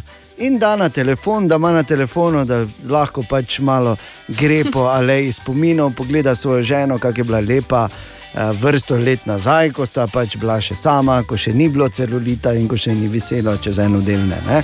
Ja. Verjetno, ne vem, pač eh, hočem si razložiti. Na kar gospod pač pusti telefon na mizi in gre na WC, in žena slučajno vzame njegov telefon v roko, vidi, da ima slike mlade ženske na svojem telefonu, Pa daj nehaj. vzame nož in ga v navalu jeze napade in celo pikne. Na srečo ni bilo nič, ker je le uspel jo ustaviti in ji razložiti, da so to v bistvu njene slike. Da naj si pogleda, da so lepotične pike na istih mestih, kot jih imaš zdaj, mogoče malo premaknjene. Kot te, raz, kot, veš, kot te raznese, gre lepotična pika zraven. Ne? Oh, In, ampak eh, vseeno prepozno, da ne bi sosedje že poklicali policije, ne? ker je to neko dretje, vseeno bilo, če te nekdo hoče no. zaštihati. Tako da, kaj hočem povedati, ti ne moreš prav narediti. Če nimaš njene slike, a, zakaj nimaš moje slike? Če imaš njeno sliko, Bog ne daj, da imaš še iz tistih časov, na katere se ne rada spominja, zato ker je bila še to? Štank, Kdo ja. je to sliko zbral? Tudi ni prav. Sebe, ker hočeš blatiti v javnosti. Ja. Komu kažeš to sliko? Tako, če pa imaš fej staro sliko, pa tako ali tako ne smeš imeti, zato ker te lahko zaštiha. Tako da veš. Eno vprašanje imam za tebe, Katja. Povej. Ti si polna teh lifehackov. ne? Mhm. In marsikateri priznajta, tudi Ana in Bor, do zdaj, kar nam je Katja svetovala, je prišlo prav kdaj. Ne? Absolutno. Ja, jaz sem celo rekel, da bi mogla biti redna rubrika. Pa makar samo za mene. Ja. Ti Boro piši, Katja. Mi pa bomo vsake toliko. In zdaj imam jaz eno vprašanje za tebe, ki je zelo hipotetično.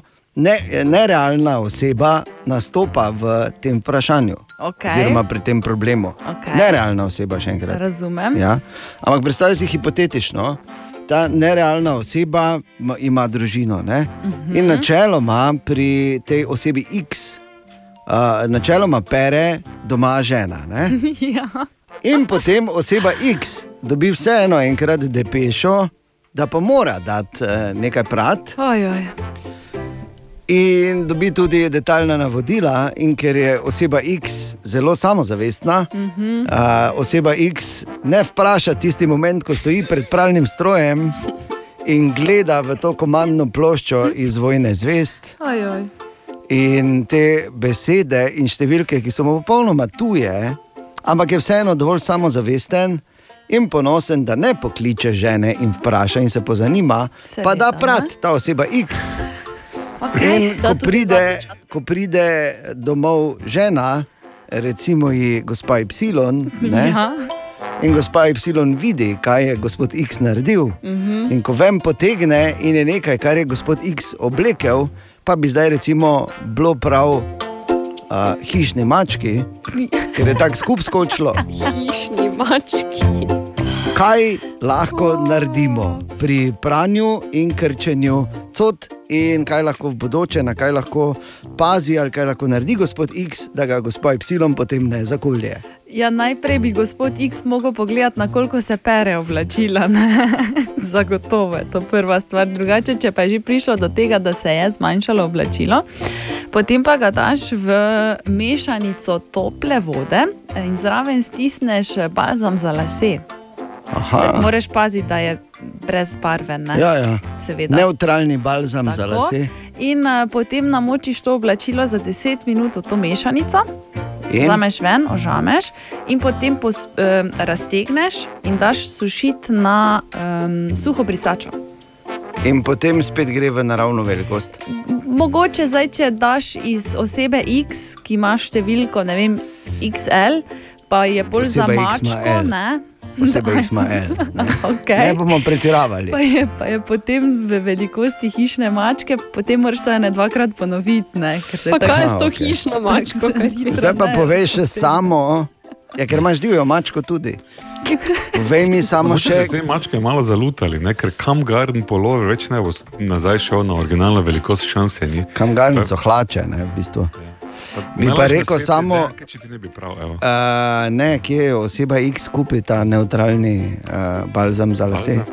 V kateri koli Drogeriji? Ja, veš, da damo osebi X, ki je nerealna oseba in jo v bistvu menjamo samo za potrebe zgodbe, da ima popolno informacijo. Hvala Super. lepa. O, Tine!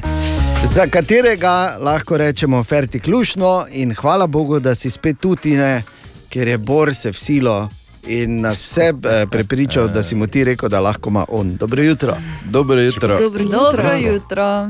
Prvič čujem to. Aha, Aj, no, zdaj se mi je zdelo. Ti si rekel, tako namigno. Nisi ti čisto rekel, si pa zelo očitno namigno. Ja, se je. Če komu nič ne absolutno jasno, da namigujem. Če jaz Ja, no. komu nič ne namigujem, si to ti. Ne. Glej, Zelo lahko zanikaš, samo jaz vem, kaj sem videl. Dobro. Ja, dobro, te pa ne bom zanikal. No, evo, kaj viš, potrjeno je. Ja, potrjeno je, da si še bolj norko zmislil, ampak dobro. Tako. Tako. Na to lahko vedno da od, zaneseš. od srede doben ni tako žalo še bolj. Lepo, ne? je to neverjetno. E, Tine, kak si se imel med dopustom vredno, ne?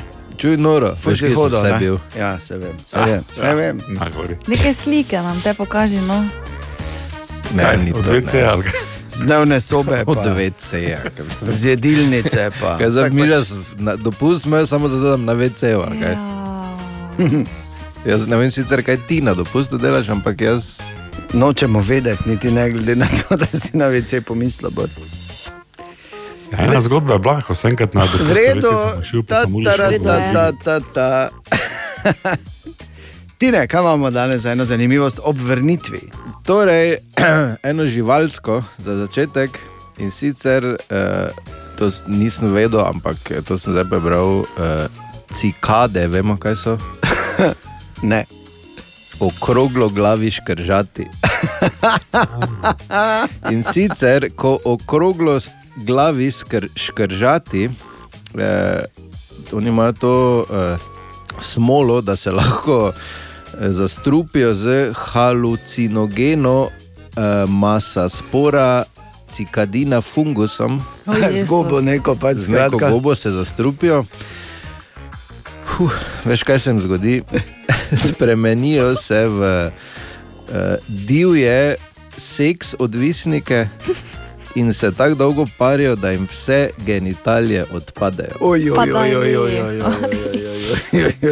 Tako da še enkrat mi rekel, hvala Bogu, da nisem okroglo glavi škršal. Res, res. Čeprav zdaj, ko si tako povedal, ne, nekje globoko v nas ne, je eno okroglo glavi škržati. Še enkrat na več. Še enkrat več bomo ne, zastrli ta prizor za Ja, zavest usmiljenja. Ti ne lepo, da si nazaj. Aha, aha, aha, aha, aha, aha, aha efekt. Embor danes odgovarja na izjemno zanimivo vprašanje od Karmen, ki sprašuje, kako dejansko delujejo IQ testi. Bor. Torej, zdaj upam, da se ne pogovarjamo o tem, kako ti testi izgledajo. ker Ne, kako delujejo. Smo jih vsi že na neki točki reševali. Ne? Ja. Pač, eh, ena serija problemov je in ti jih rešuješ. Ampak kaj oni merijo? Oni v veliki meri merijo sposobnost abstraktnega razmišljanja, kaj za res merijo, nič pametnega. Kakšen je za res učinek od njih, nič pomembnega. Torej, za vstop v Mensa klub, kjer se družijo najbolj inteligentni na svetu, potrebuješ ta rezultat. Drugače pa, ni, če bi ti testi zares bili uporabni in bi bili standardizirani in splošno Mhm. uveljavljeni, potem bi jih imeli recimo na aplikaciji za službo. Ker pa ti testi v najboljšem primeru so izrazito uh, um, Abstraktni. neuporabni. Ne? V najboljšem primeru, v najslabšem pa celo izrazito škodljivi, te teste v resnici nihče ne uporablja. Um, zakaj je to tako? Ja, ljudje radi imamo občutek, ne? ali pa radi merimo stvari. Ampak inteligenca je eden od teh konceptov, ki ni enostavno merljiv, tako kot recimo ne vem. Uh, Kaj boš ti zmeral lepo vedenje, ali pa srčnost, ali pa ostale človeške koncepte.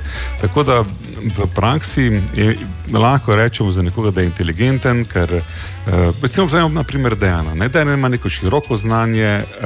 Uh, A pa ne bi šel tako daleč, da bi rekel, da si inteligenten, nekaj Jaz ekstra. pa bi ne. rekel, da si nek. Če zavem tebe, pa recimo sedovega psa, ne, je to absolutno. Okej. Ja, ampak kosmata smo pa isto, skoraj. Sma, ker kosmata sta pa isto. res Tako, je, imaš ne? prav, imaš prav. Imaš prav. Ja, ja. Ampak- Čeprav moram reči, da ima gobec bolj po tebi. Še boš nadaljeval? Ali tudi vi pogosto totavate v temi?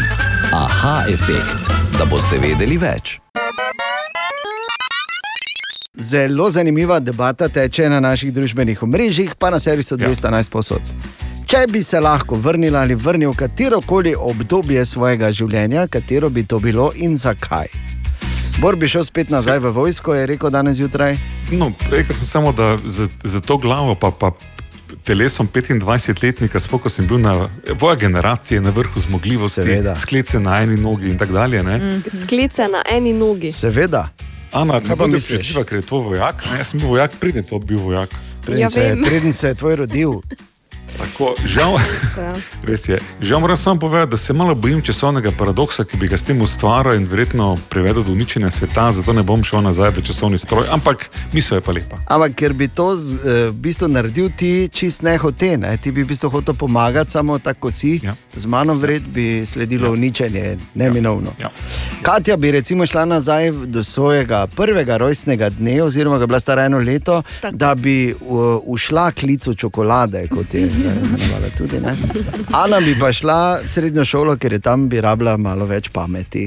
rekla, Malo ne. več sto pamet tega sveta bi rabila takrat. Evo. Tina pa recimo razmišlja na naših družbenih omrežjih podobno kot ti, Katja, pravi v otroštvo, ker je bilo tako brezskrbno, Alež bi šel nazaj v študentska leta, Niko v bilo katero obdobje pred korono, najbolj pa v čas maturantskega izleta. Aha. Miran bi šel v desetletje med 1993 in 2003, kajti pravi Maribor je bil živahen, bilo je veselo. Se strinjam, absolutno se strinjam. Uh, t- 90-ta so sploh bila, takrat se je zdelo, da je samo nebo naša meja. Pa... Pa samo fajni ljudje so se takrat So se rodili. rojevali ja, vredno je. In nikoli ne bojo vedeli, kak je bilo, ker so bili premali, recimo Ja, v to 90-ih. pa ja, ne. okej, ja. Okay. Uh, recimo Res, je Matej. Slaba muzika zaznamovala doživljensko. Ne? Ja, ampak Očitno. Matej, pa je recimo Bor, s tem se boš ti poistovetil, verjetno povedal, da bi šel nazaj v osmi razred osnovne šole, ker je takrat bila piratizacija zelo profitabilna. Oh, če bi, glej, Joy Division. če bi takrat vedel, da bo to eno okno priložnosti, bi jaz še več skupaj spravil kot za eno stanovanje, če me razumeš. Ker Je, jaz takrat nisem še razumel, imel sem občutek neke notranje moralne vrednosti, da je to vseeno kraja. Vse smo vedeli takrat, da je kraja, ampak je bila legalna. Ja, vas noben ni preganjal. Ne? Ja, noben, noben ni preganjal, dekriminal, se vseeno. Ampak poanta je pač v tem, ne, da bi naredil dosti večjo operacijo in bi zdaj, po moje, ne, čist drugače to izgledalo. Ampak, Ja. ja. ne. In bi zdaj sedel nekje v, v Ameriki, zagotovo, ne bi čično vse. Ampak bilo pa je fino, za vse, ki ne vejo, naj še enkrat povem, da sem tudi jaz bil Borova stranka, ne vede takrat. Ne? Seveda. Toliko o tem. Kaj seveda? Normalno, vse so vsi bili. Saj so vsi Ja, res je. bili. Ja, bi bili so zelo popularni. in še enkrat hvala za ime Joy Division. Ja. Ja. Jaz nisem vedel, kaj Joy Division band je, ko smo se pomenovali Ja. po Joy Division. Takrat ne veš, kako sem bil mal. Vuser pa je obvladal. Ne? Torej, uh, Ne, ja, v, Švici, na ključje. Ni. On je razvijal to naprej. Bi pa samo rekel to, da nas zanima tudi, v katero obdobje svojega življenja, če bi se lahko vrnil ali vrnil bi se, napiši nam na naših družbenih omrežjih ali pokliči servis 211, uporabi povej na Radio City app in tako dalje. Želimo dobro jutro. Dobro jutro. Dobro jutro. Ja, dobro jutro in lepo pozdravljeni na četrtek 28. januarja. In kar takoj skočimo malo na otok. To je bila včasih Evropska unija, zdaj več ni, po Brexitu Velika Britanija. Uh -huh. Velike težave imajo tam z vevericami. Ja, o ja. Ja, o Mislim, ja. Če pa res, ko sem bila ja. tam, to tako, kaj, koliko Tega je ogromno, ja. Ja, res ja. London je veveričje mesto. Ja. Na nek način, in zato so se odločili, da bodo, ker se to pač plodi preko vseh mej, Ja. da bodo uh, dali jim veveričjo kontracepcijo. In ko so objavili to novico, ko je, mislim, da župan bil tak, ki je povedal, ali pa tam na županovi tiskovni konferenci, si samo slišal na milijone veveričnikov, ki so rekli: Yes! Zato, ker je predstavljaj si, malo je pač skočil na vejo, če razumeš, ne, pol pa je mogel celo življenje lešnike nositi, pa poslušati, pa to ti ni dovolj debeli, pa onega si pozabo, pa to ti ima luknjo, pa to ti ni prave barve, ne. zdaj pa se bo dalo. Web, web, web check. Torej, Katja, izvoli. Imamo morda v jutranji ekipi kakšnega oboževalca serije Mandalorian? Glej, kdo je prvi dvignil roko. O, aha, ok. Super. Torej, Absolutno. Torej imam Baby eno, Yoda rules. eno super novico za te. Ja. Kar hitro bodo začeli s snemanjem tretje sezone in sicer natančneje 5. aprila in sicer v Los Angelesu. No, v Los Angelesu, če pa vemo, da se to dogaja v galaksiji daleč, daleč stran. V Los Od Angelesu. Katja, prosim te, no, v Los Angelesu. Pardon, pardon. Zdaj točne zgodbe seveda ne vemo, kaj se bo dogajalo v tretji sezoni. Je pa Moff Gideon, ki ga igra Giancarlo Esposito, povedal, da bo tokrat glavno vlogo igral prav njegov lik. Da nehaj. Ja, Lepo. Ne, pa ne bomo zdaj debatirali dalje, zato ker Ja, je ne, že to, da si ne rekla, vem. Los Angeles je A ja, grozno. No. ti, Ja, seveda. Ja, pa od tam letijo, no, Pa Kaj je Los pardon. Angeles, daj prosim te, kaj mi že so to ti od tu? To je vse res. Baby Yoda. Da Ja, Baby. Yoda zdaj Ja, kaj- oh, bile Ker bi naenkrat je bil Joda star 5000 let, valjda je mogel najprej mali biti. Ja, ja, sej. No, Ampak ne. torej? Okay. Tako Ana, ti vse ti reči, da si na moji strani, prosim te. Jaz se opravičujem, jaz samo kitajsko čujem. A, ok. Dobre. Še ena. Je pa baby Zgubljen- Yoda lep in pa lahko. Zgubljena duša. Ok, No, ti no. Težave pri novem filmu Jamesa Bonda se samo stopnjujejo. Ja, ker zdaj so spet predstavili, Katja, jaz bom samo rekel še enkrat, bom ponovil in izkoristil to priložnost. Ne verjamem jim, da so, da so sploh kaj posneli. Tak. Ja, dve, dve leti ga zdaj že predstavljajo. Ja, ni filma tega, to je ono, tako se menijo, da je, ne? tako Bigfoot men, da je. Ne? Aha, Pa še na ta kaj. način. Okay. Ja, ja. Torej, uh, ker so nekateri, bajebi naj že nekaj posneli. Ne? Seveda. In uh, nekatere scene so torej stare že dve leti, kar pa pomeni zelo veliko težavo za oglaševalce. Ah. Scene, ki so bile že posnete takrat, namreč ne imajo oziroma vsebujejo oglaševalske produkte, ki bodo potem, ko bo film dejansko prišel ven, že stari. Ne? Ja, seveda, ker malo je nerodno, da ima uh, James Bond iPhone 8. Ne? Recimo, ja. Tako da zdaj upajo, da bodo to težavo lahko rešili v postprodukciji, vendar Dobro. Seveda to pomeni še ogromno dodatnega dela, ker to, da bi ponovno snemali, je preveč. Um, tako da lahko samo upamo, da bo dejansko 8. oktober prišel. Seveda, da je James Bond talec drogerij Markta in ostalih. Katastrofa. Okay. No? In pa včeraj so v sklopu obletnice ob rojstvu Mozarta prvič zaigrali še nikoli slišano skladbo. Novi hit. Allegro in D. Novi hit ima. Bravo, novi hit ima Novi Mozart. hit ima Mozart. Ja. Bravo, kak te zveni. Opa, če to, ta progresivnost. Če to.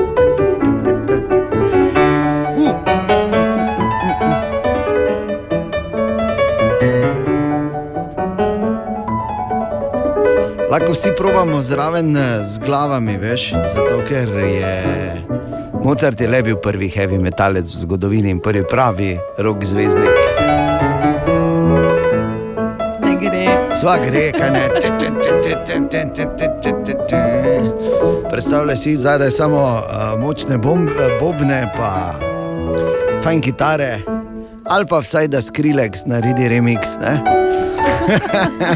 ok, super. Prav Mozart, ki je včeraj imel rojstni dan, obletnica rojstva je bila 1700. To. 265. 265, Ja. bi bil star, ali pa če je star, pa kakšne hite še vedno piše. Ne? Ja, Tako za Bora rečemo, glega, ne, pa še vsako jutro pride v službo. Pa kak je on? ne? Kak je drugače, ampak pride pa. Pride, pride. Webček. Še enkrat želimo dobro jutro. Dobro jutro. jutro. Ja, dobro jutro. In pazi ti patent, ki so ga vložili, ki so ga vložili pri eh, Microsoftu. Vas zanima sploh? Ja, Ali vas sploh Ja. zanima, no, če sprašujem? Pač Ja. tako me gledate, tako Ja, da ja. sem. Kaj je za eno, komu za. A, Tak Ne, čakamo, pač, ja. tako je. Pazi, Microsoft je vložil en poseben patent za, kot pravijo oni, svojo originalno tehnologijo, v sklopu katere želijo uporabiti eh, torej kognitivno računalništvo oziroma umetno inteligenco, kot temu nekateri še vedno pravijo. Ni še tako daleč, bo pa čez nekaj 20-30 let, eh, da bi kreirali eh, posebne chatbote, ki bi uh, oponašali, oziroma bili odmev nekoga, ki ti je blizu, tako ali drugače. Se pravi, tudi ljudi, ki so že umrli, da nimo. Uh, namreč eh, ta softver naj bi pobral vse te uh, informacije o tej specifični osebi, ki jih pač ni malo, teh podatkov, ki jih imajo o nas, ne? in potem glede na vse slike, glasovne posnetke, uh, prisotnost na družbenih omrežjih in vse ostale podatke, ki jih nabirajo, bi oni vzeli, e-maile in tako dalje, tudi napisana pisma. In potem uh, sta, vso to, vse te družbene podatke, kot oni temu govorijo, social data, bi vzeli in naredili ta chatbot, s katerim bi lahko potem normalno, uh, gov, mislim, normalno pod narekovaji govoril. Lahko bi si recimo naredil tudi chatbot, ne vem, zdaj se hočeš meniti z Lady Gaga doma, ne? pa bi imel Lady Gaga za prijateljico. Ali pa pač nekdo, ki se pač ne, ne more, ali pa ne bi mogel nikakor ne posloviti, ali pa nekoga spustiti, ne, da bi še naprej na nek način vztrajal v iluziji, da je prisoten. To seveda ideja ni nova, mimo grede. Uh, obstajajo, uh, obstajajo že nekaj časa podjetja, ki se ukvarjajo s tem, da, da, da delajo te digitalne avatarje pravih oseb, za potem, ko jih enkrat več ne bo, ampak Microsoft je zdaj tudi zagrizel v to jabolko. Tako je, ne, počasi bo tudi znanstveno fantastični filmi se ujeli z realnostjo. Ja, res je. In uh, Torej, s komerkoli, ne? komerkoli. Ti si boš lahko naredila. Ne vem, Čeninga Tatuma, da bo recimo, ne? Davida Beckhama, recimo, da se No, bo s tabo pa pogovarjal. pa- Najprej sem bila skeptična, po pa si Lady Gaga omenil, pa sem šla malo dalje študirati. Ja. in- No, tako da, glej, uh, vse uh, bo očitno možno in to veliko prej, kot si mislimo, uh, da bo. In kot je rekel Bor, znanstvena fantastika postaja počasi in zanesljivo tudi realnost. Adam Lambert iz filma 2012, se še kdo spomni tega filma? Jaz ga nisem ja. gledala. Ja. To je bilo takrat, uh, so govorili, da je to bilo tisto leto, ko se izteče uh, Mm. neki majovski koledar in da bo konec sveta. Zdaj pa v bistvu Ja. ja. majovskega koledarja je bilo konec zato, ker pač oni niso imeli več kam, na, kam bi lahko not klesali dalje, verjetno. Ne? Ne, eni znanstveniki pravijo, da je to samo eden od večjih krogov in da je ta krog sklenjen v še večjem in še večjem in še večjem, ker pač tako fraktalno zgleda majski koledar. Meni je bolj presenetljivo to, da Adam Lambert skoraj skozi ni prišel, ker je Simon Cowell na tisti prvi ediciji, vsi so bili za, samo ni bil tak, ah, kakitate ta zganja. Zdaj pa glej. Ne? Zdaj pa glej, ne. Uh, to je zdaj bil preskok iz filma v začetek karijere Edema Lamberta, katerega hit Time for Miracles smo pravkar slišali. Samo da pač razložim, včasih pač človek rabi podnapise. Tu smo, da pomagamo, Bor. Katja, Ana, Borindejan, želimo dobro jutro. Dobro jutro. Danes je 28. januar, ki je mimo grede tudi mednarodni dan Lego kock. Aha. Torej, pravijo top danskega izuma vseh časov. Um, veste, katere so, to čist na kratko samo povem, katere so moje najljubše Lego kocke? Tiste, ko so Ja, že sestavljene. A, ne, ne, ampak vse tiste, na katere nisem v temi stopil. Hvala lepa. Narečja so zakon. Ha, kva, koga, kaj? Ma ne razumem. Ja, na frajlih. Ne? Kot rečejo. Tako ne reče, ne razumem. V tej vodni špici. Jaz ne bi mogel boljše povzeti cele te narečne zgodbe z Markotom in njegovega terorja na, Nad Ne. tvojimi rodilniki. Nad rodilniki. Ja, kaj so se rodilniki, oziroma ne rodilniki, temu človeku tako zamerili? Niso v bistvu, ampak po Mariborsko je, da, da se požvižgamo na njih. Tako, v A- Mariboru ni rodilnika, on stane pred tabli v uni. Pa kaj to ni Ne, mi smo od Boga dani. Tako. A, torej, Marko, dobro jutro, kaj smo na zadnje iskali? Dobro jutro. Dobro jutro. Na zadnje smo iskali narečne izraze za to, ko nekdo močno brcne, udari, vrže žogo. Branka Kadic z Maribora, kak je šutno toto žogo, kako granato je stisno, kak je žogo napalo. Zdravo, sem Peter Toš, trenutno stanujem v novem mestu, domače sem iz Gornje Kungote. Mi pa smo eh, temu izrazu rekli, kako batko je seko. Čau, Renato izrač. Jaz bi rekel za močno brco žoge na gol, da je pokno po goli. Lepo zdrav, žiga iz Maribora pri telefonu. Povedal bi, da je ta narečni izraz. Prvi je na batko, pač batka pri, pri med dvema ognjema, kdo je pač imel močnejši med, si rekel, pač prej gledal, kako batko ima. Drugi izraz pa opalo ko majmun, ne, pač žogo dobo na volej, pa si rekel, da si jo pač opalo ko majmun, ali pa če keri pri futbalu pač večkrat napalo žogo, si mi rekel, kaj te pališ ko majmun, ne. In še na hitro nekaj izrazov oziroma povedi z Facebooka. Kudi je pa teti štukno pulmo, severno-pohorsko, remšniško nareče. Da je zažgiždi po žogi, razpali tudi to žogo, joj, kako bom zašutiral noter v gol, tak ti bom vsekal noter v mrežo, razpaljotka, bincne, pali, šutne, da je hiti balu. In koji projektil. V tem tednu pa iščemo narečne verzije te povedi. Vsakič, ko prečkaš štirnice, preveri, če pripelje vlak. Kaj pravite, vitrije, čizma, čam in bundaš? Smo zmeli, kdo je kdo. Sploh. Jaz bi kar bundaša vzel. Jaz pa sploh ne bom debatiral. Zato, ker, glej, uh, bom rekel samo tako, vsakič, ko pridem do tirnice enih čist posebnih, dejansko pripelje vlak in moram stati. Marko je odprl mojo živo rano, bi lahko rekel. Ne? Mi gre na živce, zato ker vedno 10 minut stojim za brez veze, po pa se ti zadaj avti eh, naguzijo, pa ne moreš obrniti. Ne? Poznaš situacijo. Veš kaj? Kaj? Ja, Misliš, da se ti da ti bundaš. Ker to pomeni mojem. Kaj si nam rekel, Marko, povej? Čizma oziroma čižma je škoren, čam je gnus, bundaš pa je kosmat pastirski pes. Ja. Prosim, si, ja. si, si, si si ga vzel, ne? Je rekel, jaz bom raj, ker bundaš. bundaš, bundaš, No, pridi bundaš. Kaj si jo bolj lega bundaš, kako je pa, kaj si ti pa si pri ne Naj me skači. Ne skači, bundaš, bež dol z moje noge, bež dol z moje noge, pa daj bundaš, no. Ha, koga? Ma ne razumem. Narečja so zakon. Dobro jutro. Dobro jutro. Koliko krat kaj pogledamo na YouTubu? Iskreno. Uf. To vsak dan. Vsak dan. Kdaj ne gledamo, kaj na YouTubu? Ok, v redu. Samo vprašam. In ali si lahko predstavljaš, da po vseh teh letih, odkar YouTube imamo in YouTube poznamo, in ko se je pač ta razvijal in postal osnovna televizija za mnoge, ne, a, da, da so še vedno stvari, ki te lahko presenetijo. In tako je recimo mene presenetila včeraj Katja, ko mi je povedala, da a, ko gledaš video.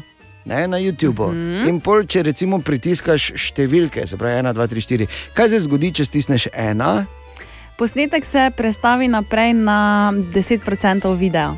če stisneš dva, 20%, če stisneš tri, 30%. in tako dalje. Če hočeš iti naprej za polovico, stisneš petko, ker to je Tako. 50%. Ne?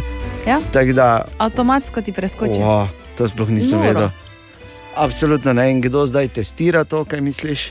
Bor Grajner. Ne, moram vas malo sem popraviti. Torej, ti greš na 10% videa, ne Ja. te pristavi naprej za 10%. Ja, za 10% tistega videa, tako? Kaj je Ne, naredila ne, ne, narobe? še enkrat, ti lahko iz 50 greš nazaj na, na 10%, če Ja. enko stisneš. Ne? Tako. To pomeni, Ja. da vedno. Ja. ja, ampak Ja. moramo korektno razložiti. Ne, ena greš, Ti čisto korektno je razložila, Bor. vedno za 10% naprej. Ko stisneš enko, greš na 10%, Tako. ko daš peto, greš na 50%, Ja. ko tri greš na 30%. in Ne moreš te skačeš. enke trikrat stisniti, zato da bi bil na 30. Ja, mislim. Kaj praviš ti? Ne moreš enke ti trikrat stisniti in si pol na 30, zavedno ostaneš na 10, ko imaš enko. Zavedno si na Zavedno. Ja, lepo je povedala, ampak Bor je še enkrat lepo razložil ja. za Ja. vse tri, ki mogoče niso ta trenutek dobro razumeli, ker so si ravno zajtrk blendali. Dobro jutro. Dobro jutro. A, Ana, zdaj te bom jaz izključil iz te igre, ki sledi. Pa ne na robe razumeti. Ja, zato ker to je. Okay. Tako delaš v petkovem, skoraj nemogočem vprašanju, ki je torej naš tradicionalni petkovi jutranji kviz, da sem se odločil, da bom uh, pripravil trening za Katijo in Bora. Če se Super, strinjaš, super, jaz grem kavico skuhati. Ne, ne, se bodi tu. Bodi to je tu, pa se samo Ne? Seveda bo, ti si Ja, najboljši. Te pa bom poslušala. Reči. No, poslušaj zdaj. Uh, in sicer je ena stvar, ki se je boji 91 odstotkov otrok, ampak tudi 86 odstotkov odraslih. Pajek. Uh, ne. To je bila Ana pravkar zdaj? Ne, je bila Katja. Ana ne sodeluje, Ana se Jaz samo sem naslaja. Ker je zvenela kot uh, Ana. Ne? Torej, 91 odstotkov otrok in 86 odstotkov odraslih živi v strahu pred tem. Kaj je to? Te pa kača. Ne, Da ni žival, ne. Ne, ni žival, to lahko povem. Ni žival. Niti ni verjetno realna stvar. Tako da ne rabi zdaj razmišljati limona ali pa pomaranča. Duhovi. Niso duhovi. Te pa so pošasti. Pošasti pa so, bravo, Katja. Ja, bor, ja niti poskusil nisi. Ja, Ja, kaj pa te, ja, ki pa te si.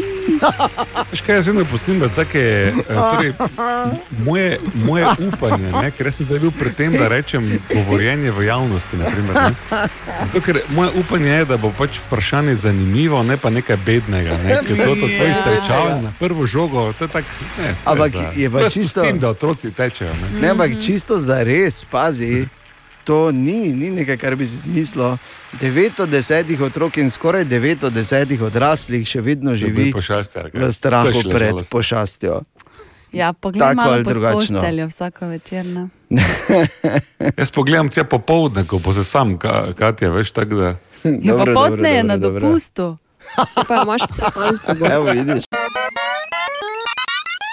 Z velikim veseljem, predvsem, da se je vrnil v enem kosu, pozdravljamo danes zjutraj našega gosta Simon Marčič. Dobro jutro. Dobro jutro, živijo. Dobro jutro. Lega, Ja. Jutro. govori še lahko, ni bilo tako hudo. Ja, ni, ne, mislim, zdaj sem že doma eh, skoraj dva tedna. Tako, da, ja. tako. Enkrat si vmes povedal, da si padel tako še nikoli. Ja, it was the gnarliest crash ever, res. Uh, uh, Vrej, da sem imel tudi airbag, uh, to se mi je že na drugi etapi zgodilo. Uh, pač zahaklo sem šel trave, uh, lani takega kreša nisem imel, mislim, nekaj let že ne, ne vem, če sem sploh kdaj uh, res tako sekal.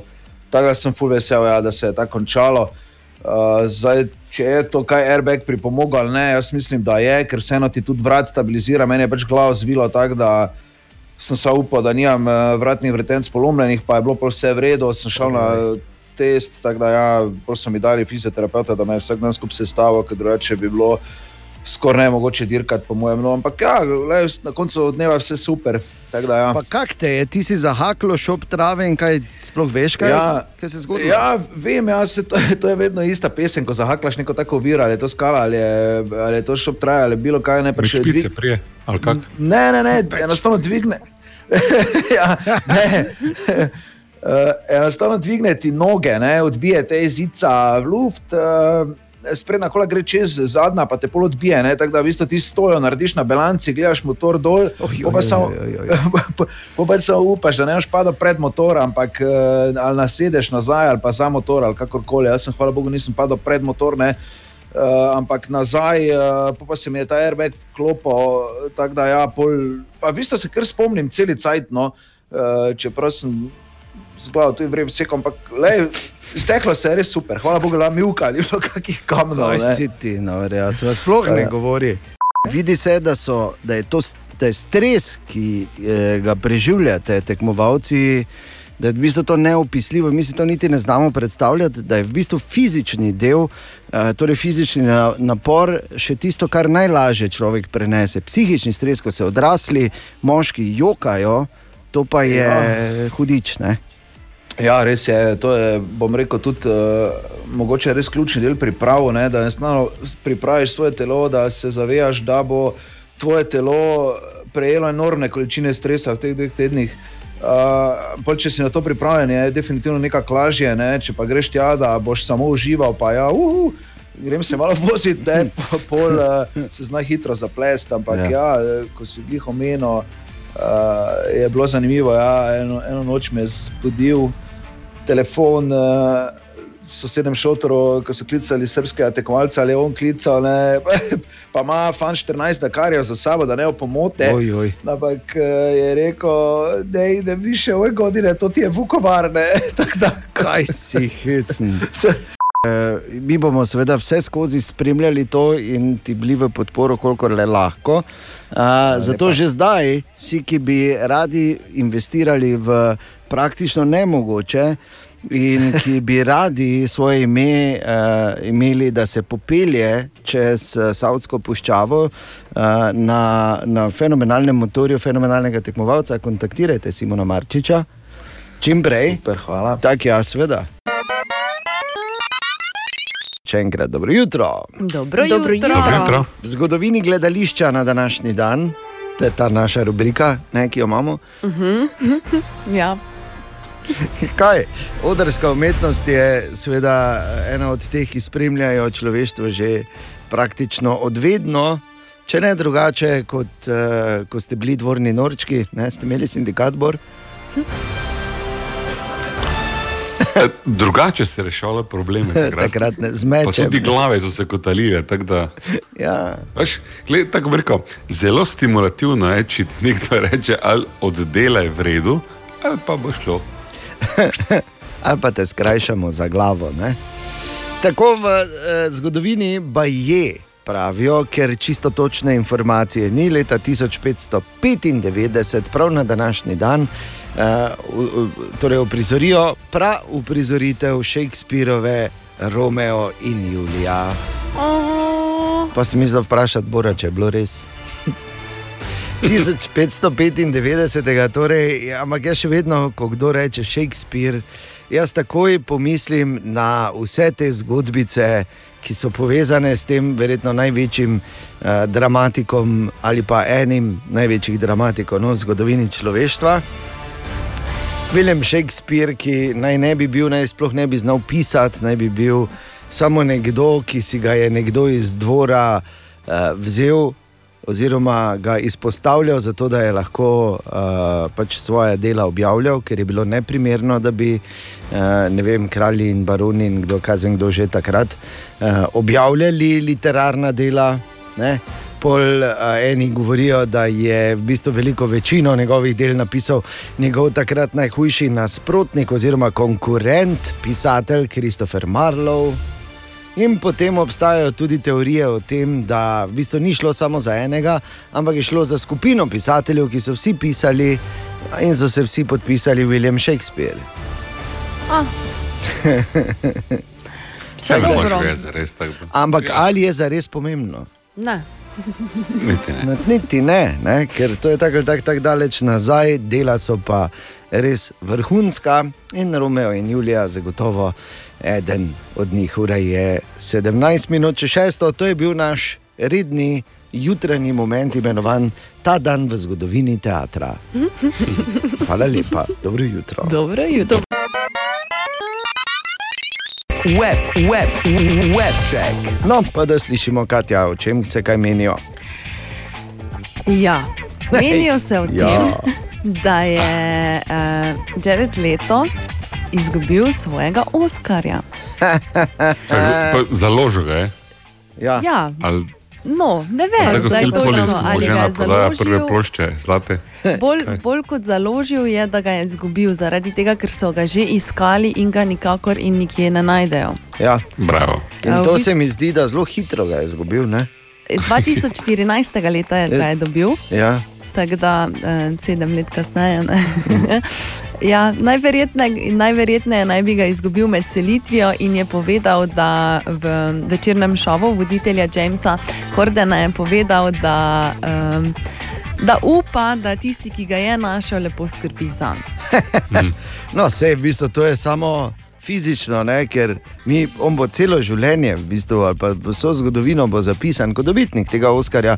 Tako da zdaj, če ima tisti kipec ali nima. Pff, Je res vseeno, producenti vejo. ne. Ja. Mimo grede, Dallas Buyers Club uh, za uh, vlogo tam je dobil tega Oskarja za stransko vlogo. Ja. Vrhunska, vrhunski film, res vrhunska igra. Pamela Anderson se je na predbožični večer, oziroma na božični večer, pardon, eh, že petič poročila. In zdaj komaj povedala, In zdaj komaj povedala. ker je Ja. kar mesec dni kasneje. Ja, sicer se je poročila s svojim telesnim stražarjem, Ah, kako klišejsko. s katerim se je zaljubila v času korona krize, ker sta bila sama zaprta na ranču, ki ga je kupila od svojih uh, starih staršev. Ne, temu se ne reče ljubezen, veš kako se temu reče? Luja. Pomankanje opcij. Ne, ona je čakala en mesec, zato ker se je na zadnje tako hitro ločila, da je zdaj videla, če bo Za tako vsak primer, ne. Da ne bi takoj povedala. Ja. Ja. In pa imamo nove raziskave. Opala, Korona kriza je vseeno prinesla nekaj dobrega. daj nehaj. In eh, sicer so se izboljšala naša razmerja. 64 odstotkov vseh parov, ki so sodelovali v anketi, je odgovorilo, da se je njihovo razmerje v času korona krize izboljšalo, kar 27 eh, se je izboljšalo tudi spolno življenje. Noro. Če tistim, ko so rabili, ne bor, mi, ko imamo doma, mislim, kam še lahko gre, ne bo bolj gor. Kaj ti hočem reči? Web check. Petek, dobro jutro. Dobro, Dobro jutro. Glasbeno zadje nakazuje, da se približuje nova zmaga tezenske kraljice. Ne govori prehitro. Kaj grem stran, bo ta sama? Ne, ne, ti samo ostani. A lahko ostanem Glej ti to, Ja, Včeraj sem se izvzela, ne? Ja, včeraj sem te jaz raje dal ven, ker drugače Ja. bi, veš, kako težko bi, ker bi krvavela oba in pol težko bi delala dalje. Ne? Mm, je le še petek tu bil. ne? Tako je. Ja. Skoraj nemogoče vprašanje, tudi danes zjutraj, ko je eh, vprašanje veliko bolj spektakularno od odgovora. Ali pač a, zaključuje se januar, začenja februar, mesec, ki prinaša tudi praznik ljubezni, Oh, preširnov dan 8. februarja in je najkrajši mesec v letu. In z Valentinovim je povezano današnje skoraj nemogoče vprašanje, Aj, in hkrati mogoče tudi namig, kaj ti.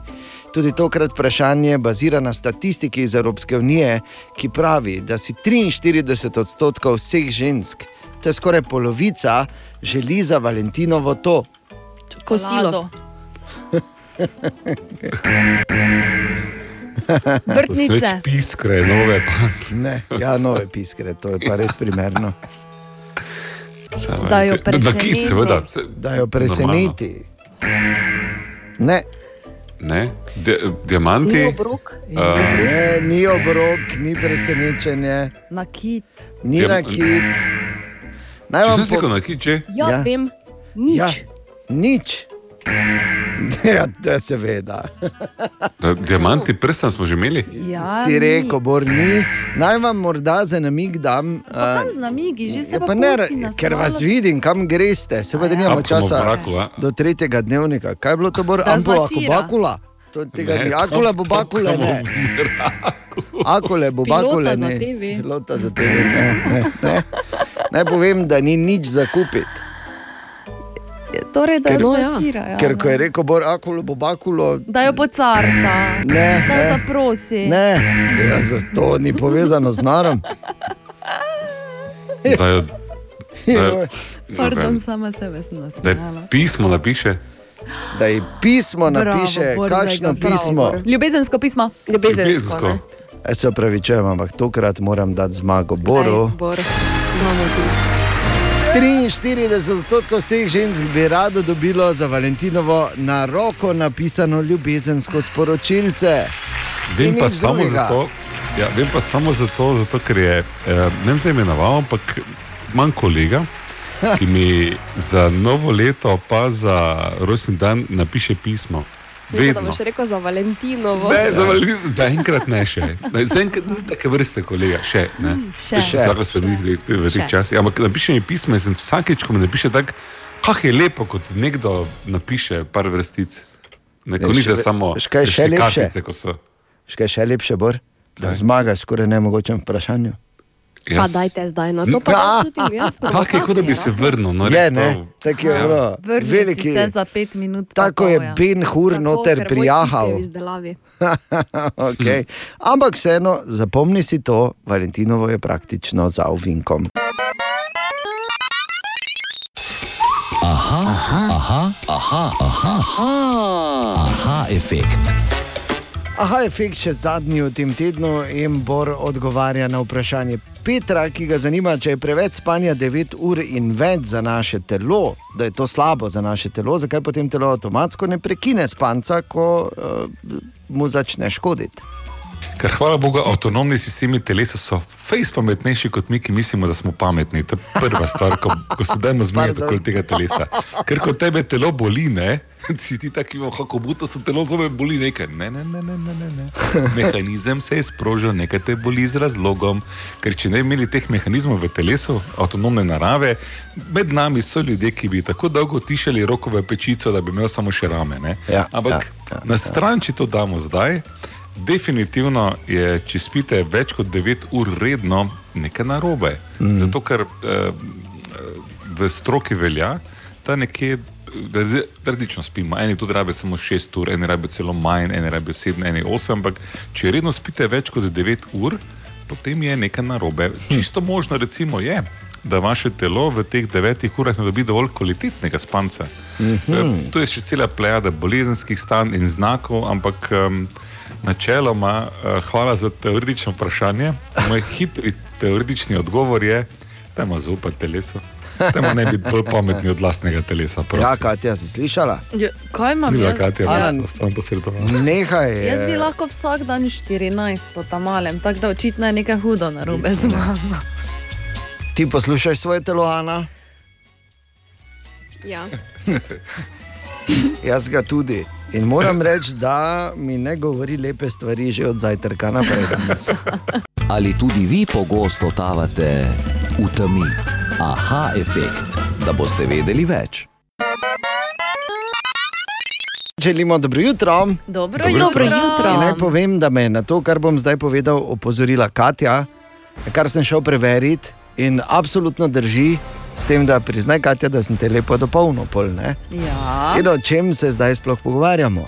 Če vzameš, oziroma če si pred računalnikom in eh, imaš odprt Google iskalnik, noter pišeš Borgrajner in pol gledaš dol, kaj ti predlaga. In prva stvar, ki je nama s Katjo predlagalo, je bila starost. Zakaj me poroka predlaga? Malo od zadaj, Ker si svojo, ker si svojo iskal. Poroka, najbolj, ne? žena, starost, partnerka. Ja, Bor, se vidi, kaj si najbolj iskal sam po sebi. Ne? Ampak mi dva s poiščeš? sva bila absolutno neomadeževana, zato nam je čisto ven vrglo, ker mi dva tebe ziger nismo iskala. Ne? Jaz sem imel drugo, prvo je bilo starost, drugo je bilo rojen.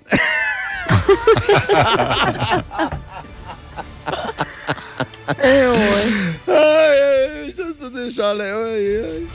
Kaj te lahko lepo računalnik nasmeji, ne? Res.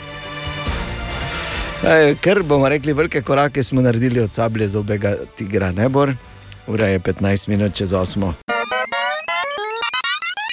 želimo dobro jutro. Dobro jutro. In kako je Bor danes zjutraj priklical šalco v Turčijo?